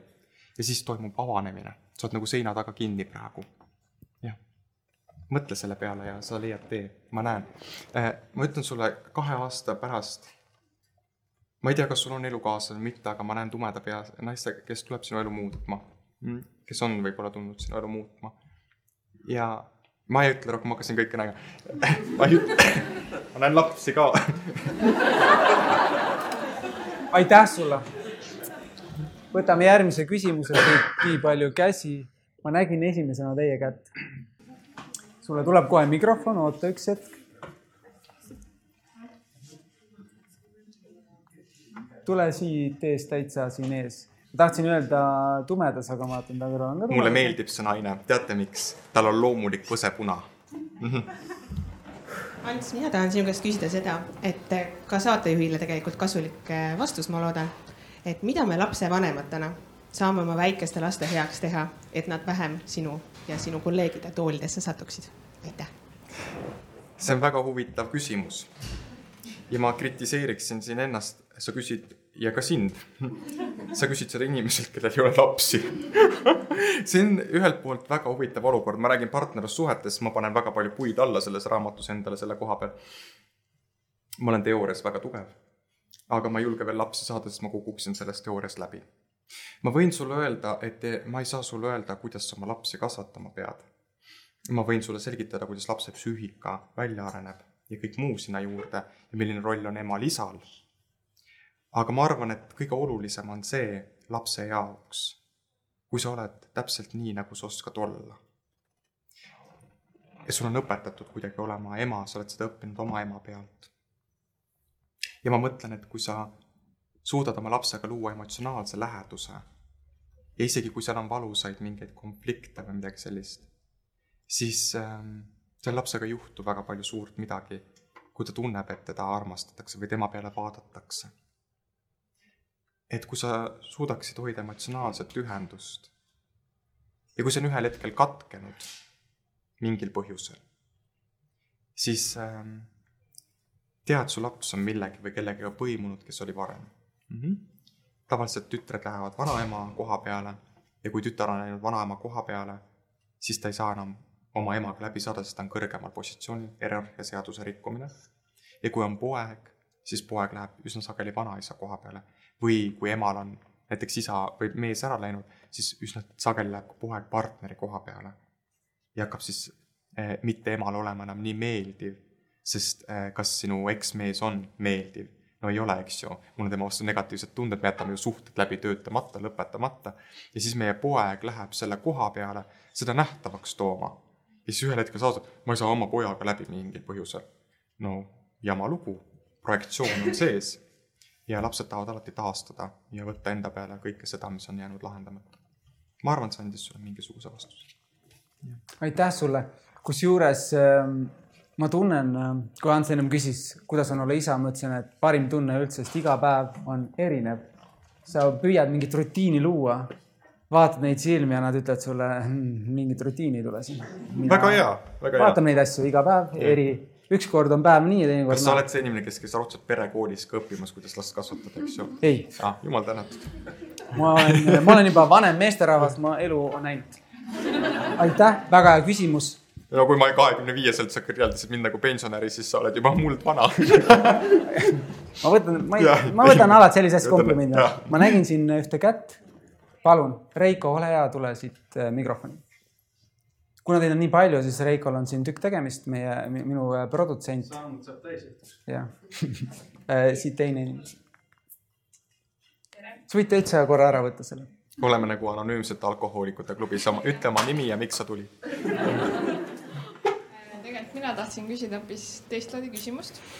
Äh, sa ütlesid, et, et kui sa vastasid sellele küsimusele, siis sa näed midagi nii-öelda tema elust ja tulevikust. Ja minu küsimus on selline, et kas sa, kui sa ütled, et sa loed inimeste mõtteid, siis kas sul tekib endale nii-öelda intuitsioon, et sa tunned, et midagi tema olekus muutub? Või sul tekibki nii-öelda visualiseerimine, et seal midagi muutub? Või mis see täpsemalt on, mis sinuni selle informatsiooni toob Mi? mida see sulle mõistusele annab, kui ma sulle selle vastuse annan? siis see äh, valdkond huvitab mind. jah küsi uuesti hästi konkreetselt, mida sa tahad teada. kas sinu küsimus on see, et äh, kuidas sa seda näed? jah, kuidas see informatsioon sinuni jõuab mm? -hmm. kui ma sind kuulan, siis ma hingan sügavamalt sisse. ma kuulan, mis on sinu sõnade taga, mida sa seal tegelikult tahad, äh, mida sa selle küsimusega tahad varjata mm. -hmm näiteks hirmu mm, -hmm. väga tugevad hirmud mm, -hmm. mis on seotud ka meestega mm. -hmm. Mm -hmm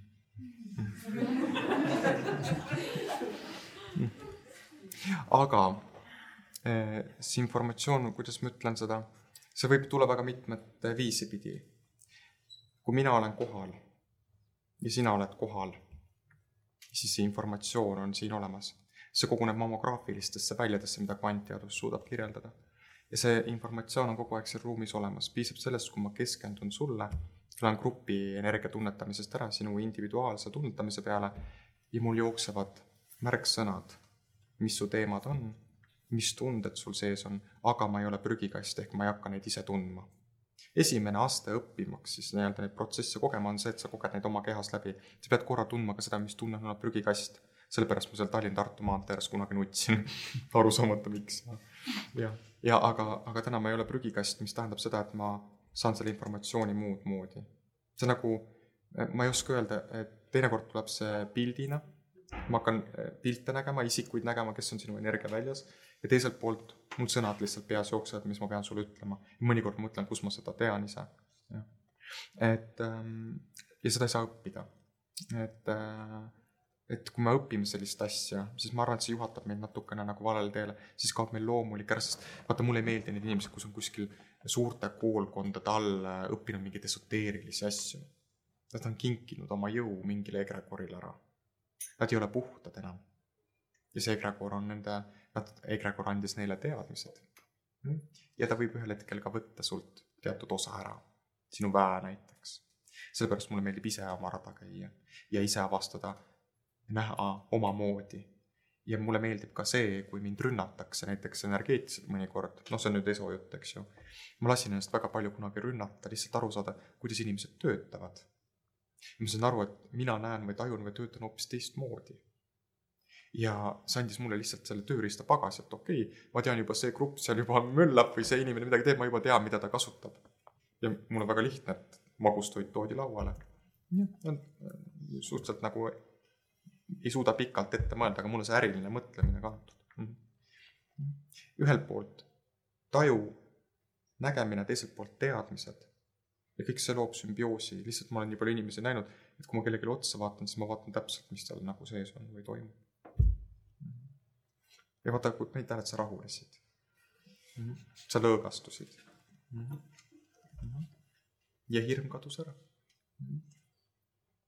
ja mõnikord, kui minus on rahu ja sinus on rahu, siis mingi nähtamatu asi toimetab. ja nii lihtsalt on. ja me ei tee kumbki mitte midagi, ainult üks tüüp vatra mm. -hmm. jah. aitäh sulle kaks veel kiiresti ja palun, üks äh, meesterahvas siin ees.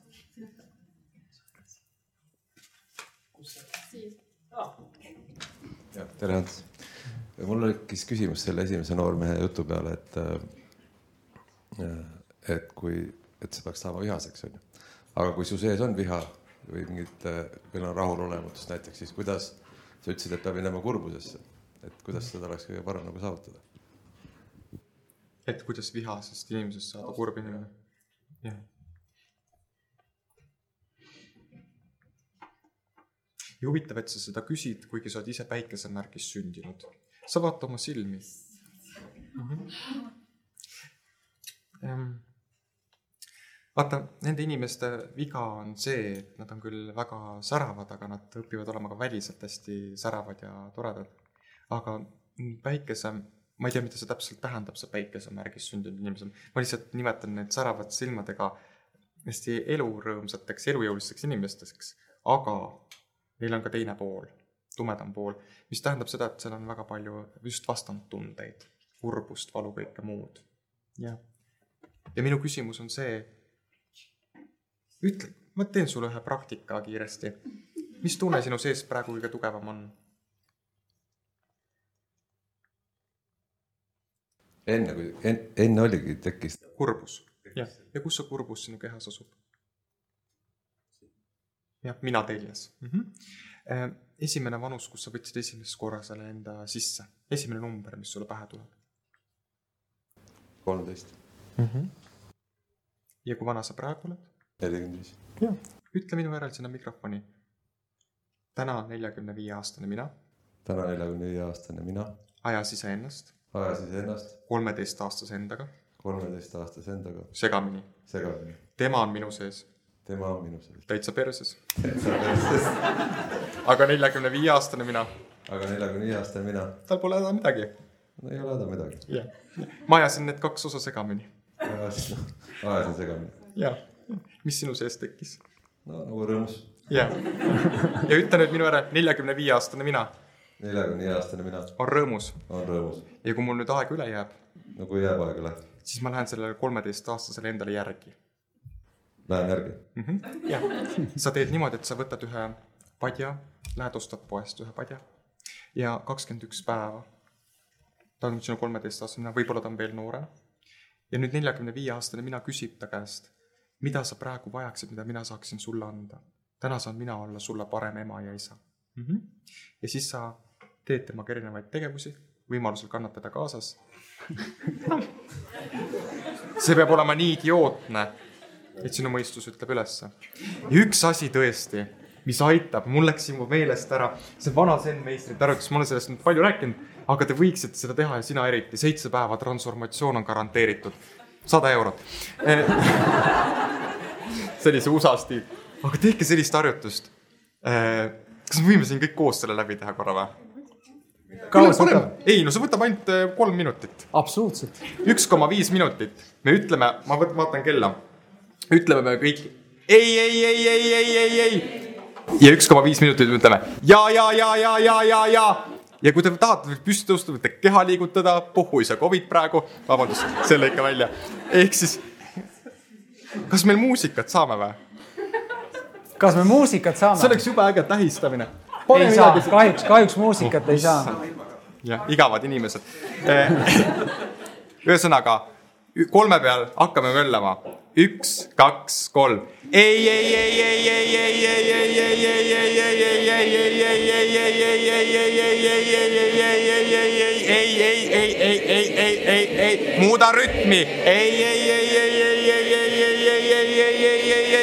ära keskendu sellele, mis seal mõttes üles tuleb, lihtsalt ütle ei. ei, ei, ei, ei, ei, ei,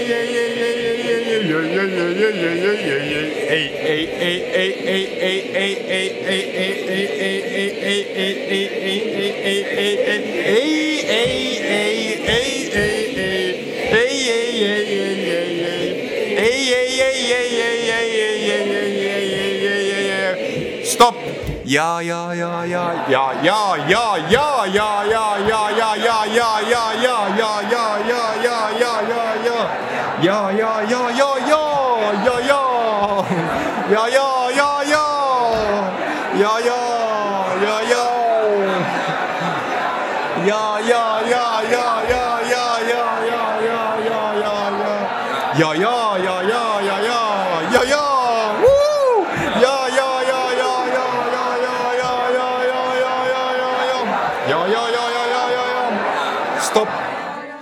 olge nüüd lihtsalt vait.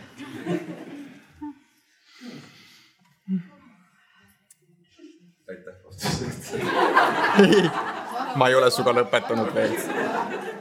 kuidas sul oli ei öelda? alguses oli raske.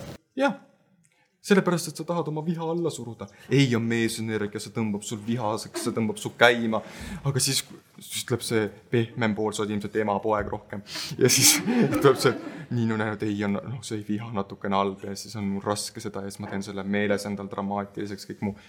võta vabalt, noh, sa võid vihane olla, et see viha tuleb selle ei-ga väga tugevalt üles ja seda tehakse pool tundi järjest vähemalt see on vana zen-meistrite harjutus. ja, ja see on, kui sa seda seitse päeva nädalas teed, mul ettevõtjad teevad seda maantee ääres mm.. ja mul enda vend, ma olen seda rääkinud, helistab jälle mingi draamatöö juures ja ta on ettevõtte omanik ja siis ühel hetkel äh, küsib, mis ma siis teen. ma ütlesin, ma ei viitsi nõu anda ja ma ütlesin, tead, tee seda harjutust lihtsalt, et nagu selle kõne ära lõpetada. ja siis ta helistab mulle tunni aja pärast tagasi. Ants, ma sõidan vihma käes, ma olen nii õnnis. mul ei ole enam probleeme. Ta tegi pool tundi seda ei, ei ja, ja, ja ta mõistus andis üles, sa ajad oma mõistuse kaosse, sa pead oma keha sinna kaasa viima ja kui sa teed oma ajule sellise lükke, siis aju enam vana käitumisstrateegiat pidi ei saa ju minna, sa oled ta lühisest ajanud. ja siis on sul võimalik hakata rohkem kuulama oma seda tundemaailma.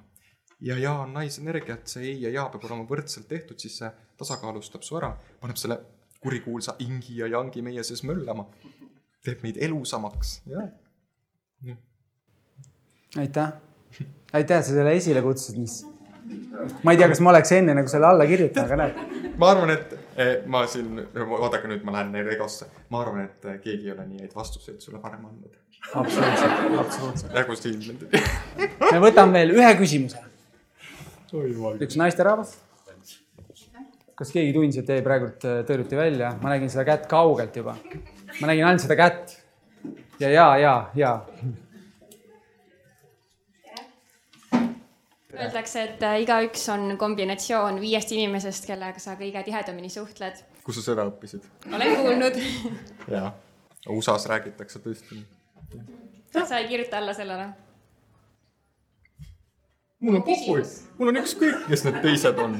peaasi, et ma olen ise peas terve, jah, ja siis mul ei ole vahet, kas see on mul kodutu kõrval või on ta Mardo kõrval, mul ei ole vahet.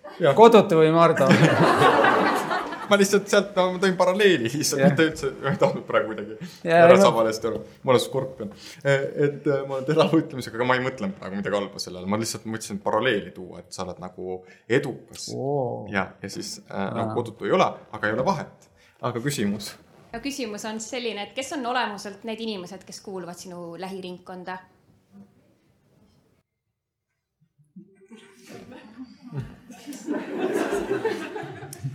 ma küsiksin vastu, mis see teadmine sulle annab?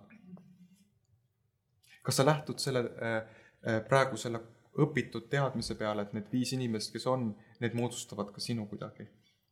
ma võin teile öelda, et meie lähiringkonda kuuluvad need inimesed, noh näiteks kui ma olen ema-poeg, siis ma rohkem noh, tunnen suuremat sidet ema-poegadega no kuna siin on isa teema, eks ju, ja sa oled nagu ema-poeg rohkem ilmselt. ta teab, selles mõttes me pole veel nagu süvitsi rääkinud, aga me saame nagu välja. hästi läbi, sest meie energiat äh, klapivad.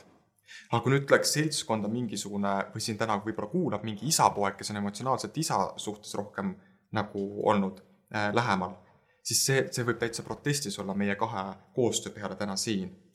ehk siis äh, meie ümber tekivad need inimesed ja me ka armume nendesse inimestesse kellega meie süsteemid on sarnased.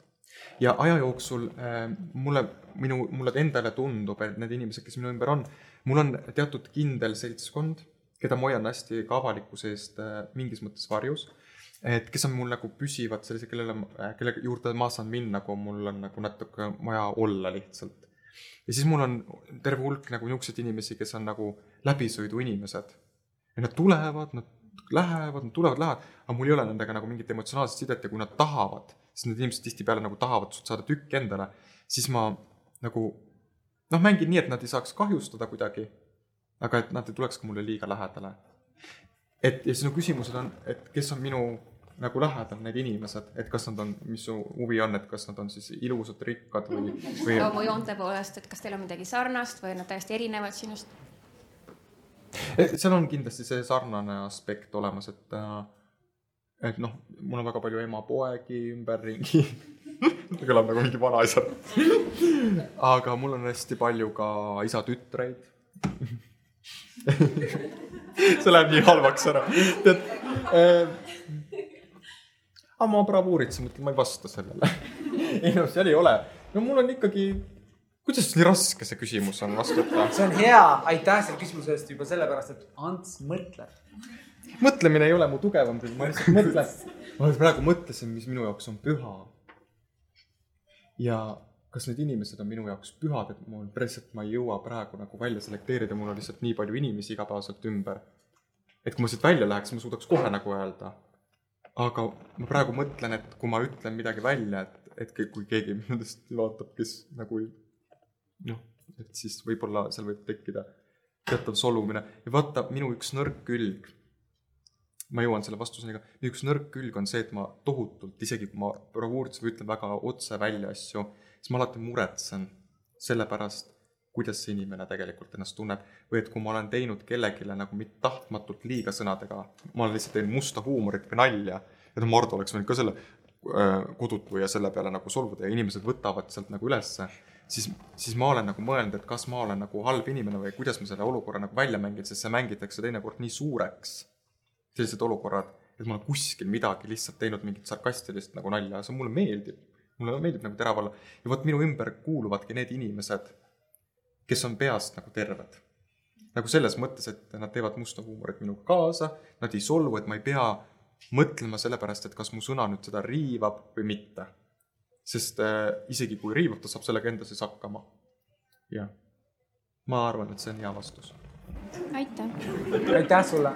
ma ise arvan nii meil on äh, läbi aegade, see on seitsmeteistkümnes äh, podcast tead, ma on, õppisin alles palti siduma. ma näen, seda ma näen, seda ma näen, ilu, aga nad on väga hästi seotud. sa just õppisid ja nii tubli. Aulik õpetas. ja, ja. Oota üks hetk. oo, vaata nüüd. vana Viime guru ja noor õpipoiss viime hakkavad. talle mikrofoni ka korra. ja ei, ma hea meelega vastan. üks hetk oota. ja me võiksime sel teemal arutada, aga ma ei tea, kas meil on aega. aga lühidalt, tuleb sulle mikrofon, Reiko jookseb sinu poole. vot selgita mulle ka ära, noorele, et mis asi selle meesvärgiga on. ma ei tea, kus sul on jäänud mulje, et me seal meestel nuturingi teeme. ei, mulle lihtsalt, ei mulle päriselt nagu räägitud, et nad seal mingi eh, noh, nutmine, mis seal nagu toimub, et mitte sinu ringides, kusjuures mingites teistes ringides, et mul lihtsalt see kontseptsioon sellest kohast, et eh, mehed tulevad kokku, et neid nagu, vot see tagasiside, mis ma olen nagu kuulnud, et need tehakse nagu hästi nagu haavatavaks või hapraks, et ma olen nagu mõelnud selle peale, et me võiksime siin praegu sinuga arutada, mis see võib-olla tõde selles kõiges on, et, et, et kas neid siis, kas seda meesenergiat ka tugevdatakse seal, ollakse sellised uh, koos või, või kuidas see protsess käib? üks, vaata üks igapäevane, minu igapäevane töö ongi meestele munad tagasi anda, naistelt munad ära võtta. no neil on need kõrgemal. aga, aga see. ma teen, ma teen siin ühe, ühe täpsustuse. Mehel ei ole kunagi võimu naiselt mune ära võtta. sellepärast, et naisele on antud sünnitusega kaasa, ma pean selle lihtsalt ära ütlema, teile on antud kaasa selline vägi ja naine saab muuta peresüsteemi ja meest võtta ära mehe koha pealt ja panna ta naise koha peale. mees seda ise tagasi ei saa muuta. seda ma olen praktikas näinud, seda räägivad kõik kostalöörid, et naiselt ei saa võimu ära võtta, kui ta on juba võimu endale võtnud. aga kui mees muutub, siis peab ka naine järgi muutuma, aga noh, see lihtsalt ja täpsustus. ega see vägi on väga oluline, kõik inimesed peavadki endas väe äratama ja see on üks olulisemaid asju, et meestes vägi äratada ja see ongi see teadliku viha ülestoomine mm, -hmm. et sa tooks teadlikult selle viha nähtavaks. ja siin, siin minu eh, lihtsalt mõte on see, et pead keevitad, see on naljakas praegu. Minu jaoks on naine väeelement ja mees on jõuelement, et see on nagu maa ja päike. et mees on justkui nagu päike ja naine on maa. vaadake, seal on Antarktikat külma, seal on kõrbe, seal on ka džungel, kunagi ei tea, kus uss välja hüppab. ja selleks, et eh, naine saaks õitseda, on tal vaja või maa saaks õitseda, on tal vaja päikest. jah et, et tal nii-öelda sellist jõudu oleks kasvada ja nii edasi. et, et see nii-öelda minu jaoks on nais- ja meesenergia täpselt see, et naine on väeelement ja mees on jõuelement, aga pange tähele, siin Tiidu jutus on iva ja mulle väga meeldib see. aga meis kõigis on ju nais- ja meespool, meis kõigis on ema ja isa. ja sellepärast on ka meestes osakestki ka väeelementi. ja siit ma võiks, ma lähen, me paneme nii, ma võiks siit jäädagi rääkima. hommikuni. jah, ma, nii, ja aga mis ma tahan öelda sulle, et vaata, mis ongi kõige raskem, mis on meestes ära kadunud, on see, et hääled ja see vägi ja see võimsus endas äratada üles, et ma olen, ma saan ise hakkama, ma olen, mus on jälle see nagu nii-öelda inspiratsioon. on nad abituks muudetud, eks ju. no just, et sa ütled, et nüüd mööga, möörame, onju, sealt ei tule piuksugi. ennem kui sa ise seal kümme minutit ees oled Jaa. hakkab teistel julgusega Jaa. järgi tulema. ja tead, naised, miks te teete niimoodi? teate, miks te teete niimoodi? sellepärast, et keegi sai kunagi nii haiget oma esimese armastusega, keegi viidi ära ja tekkis suguvõsa dünaamikasse dünaamika. kui ma lasen lähedale või kui ma usaldan meest, võib see mulle haiget teha. ja sealt tekkiski olukord, kus te kaotasite usalduse meeste suhtes. siin on dünaamikad, need ohtlikud dünaamikad välja toodud näidetega, kuidas see protsess toimub. aitäh, Tiit, et sa sekkusid. mulle väga meeldis see sekkumine. mingid asjad said selgeks räägitud.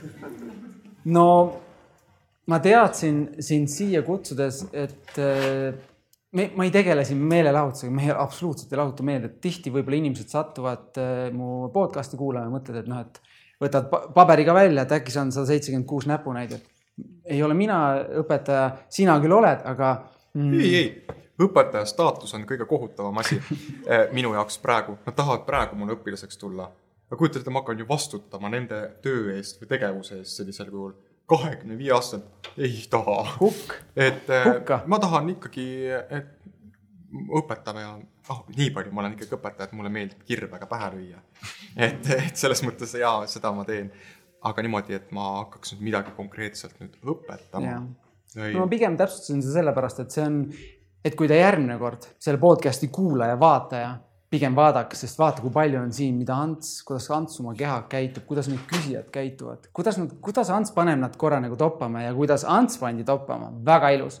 järgmine kord kellegagi vestluses olles, olge nagu rohkem kohal, sest äh, ma ise vihkan seda, ilus sõna minu arust vihkan, pealiskaudsust. mulle meeldib lihtsalt kasvõi inimesele otsa vaadata, paar sõna vahetada, aga ma olen kohal, ma olen mm -hmm. nagu, ma olen sada protsenti siin mm. -hmm. mulle meeldib see privileeg, et ma, mul on privileeg üldse kutsuda inimesi ja vestelda siin.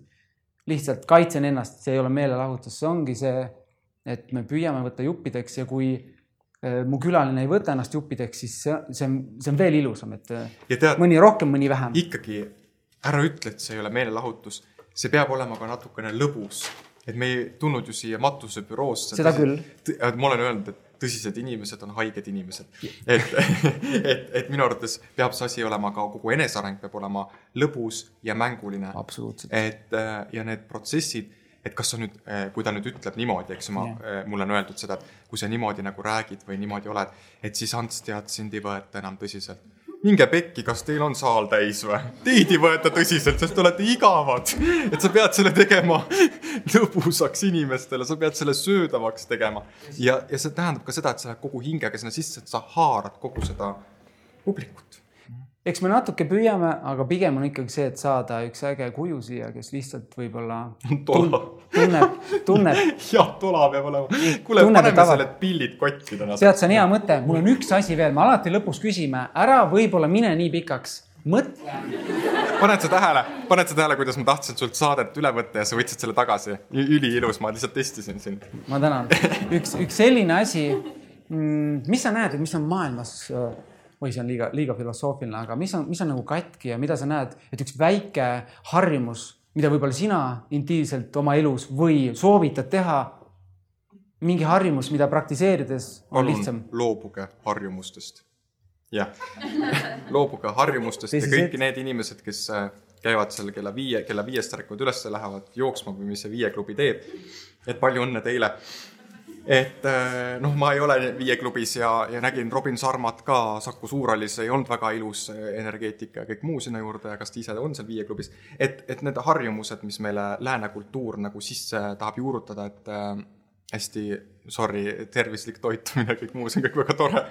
Ja aga ma testin, et ma olen õnnelik ja mul on halbu ja häid harjumusi, aga ma ei tegele nendega, sellepärast et äh, mul on nii lühike aeg elada, et ma kogen seda kõike jooksu pealt ja kui mul ühel hetkel tekib mingist harjumusest kopp ette, siis ma otsustan, et ma teen teisiti. et kõikide niisugune kunstlike harjumuste tekitamine, mida lääne kultuur kultiveerib, et me on ainult nagu suunatud selle peale, et me oleksime edukad, et siis äh, see on kõik see, mis viib teid hukatusse. võib-olla leida enda harjumus, mitte kellegi teise harjumus. mulle see harjumuste teema ei meeldi, ma ei anna ühtegi harjumust siia.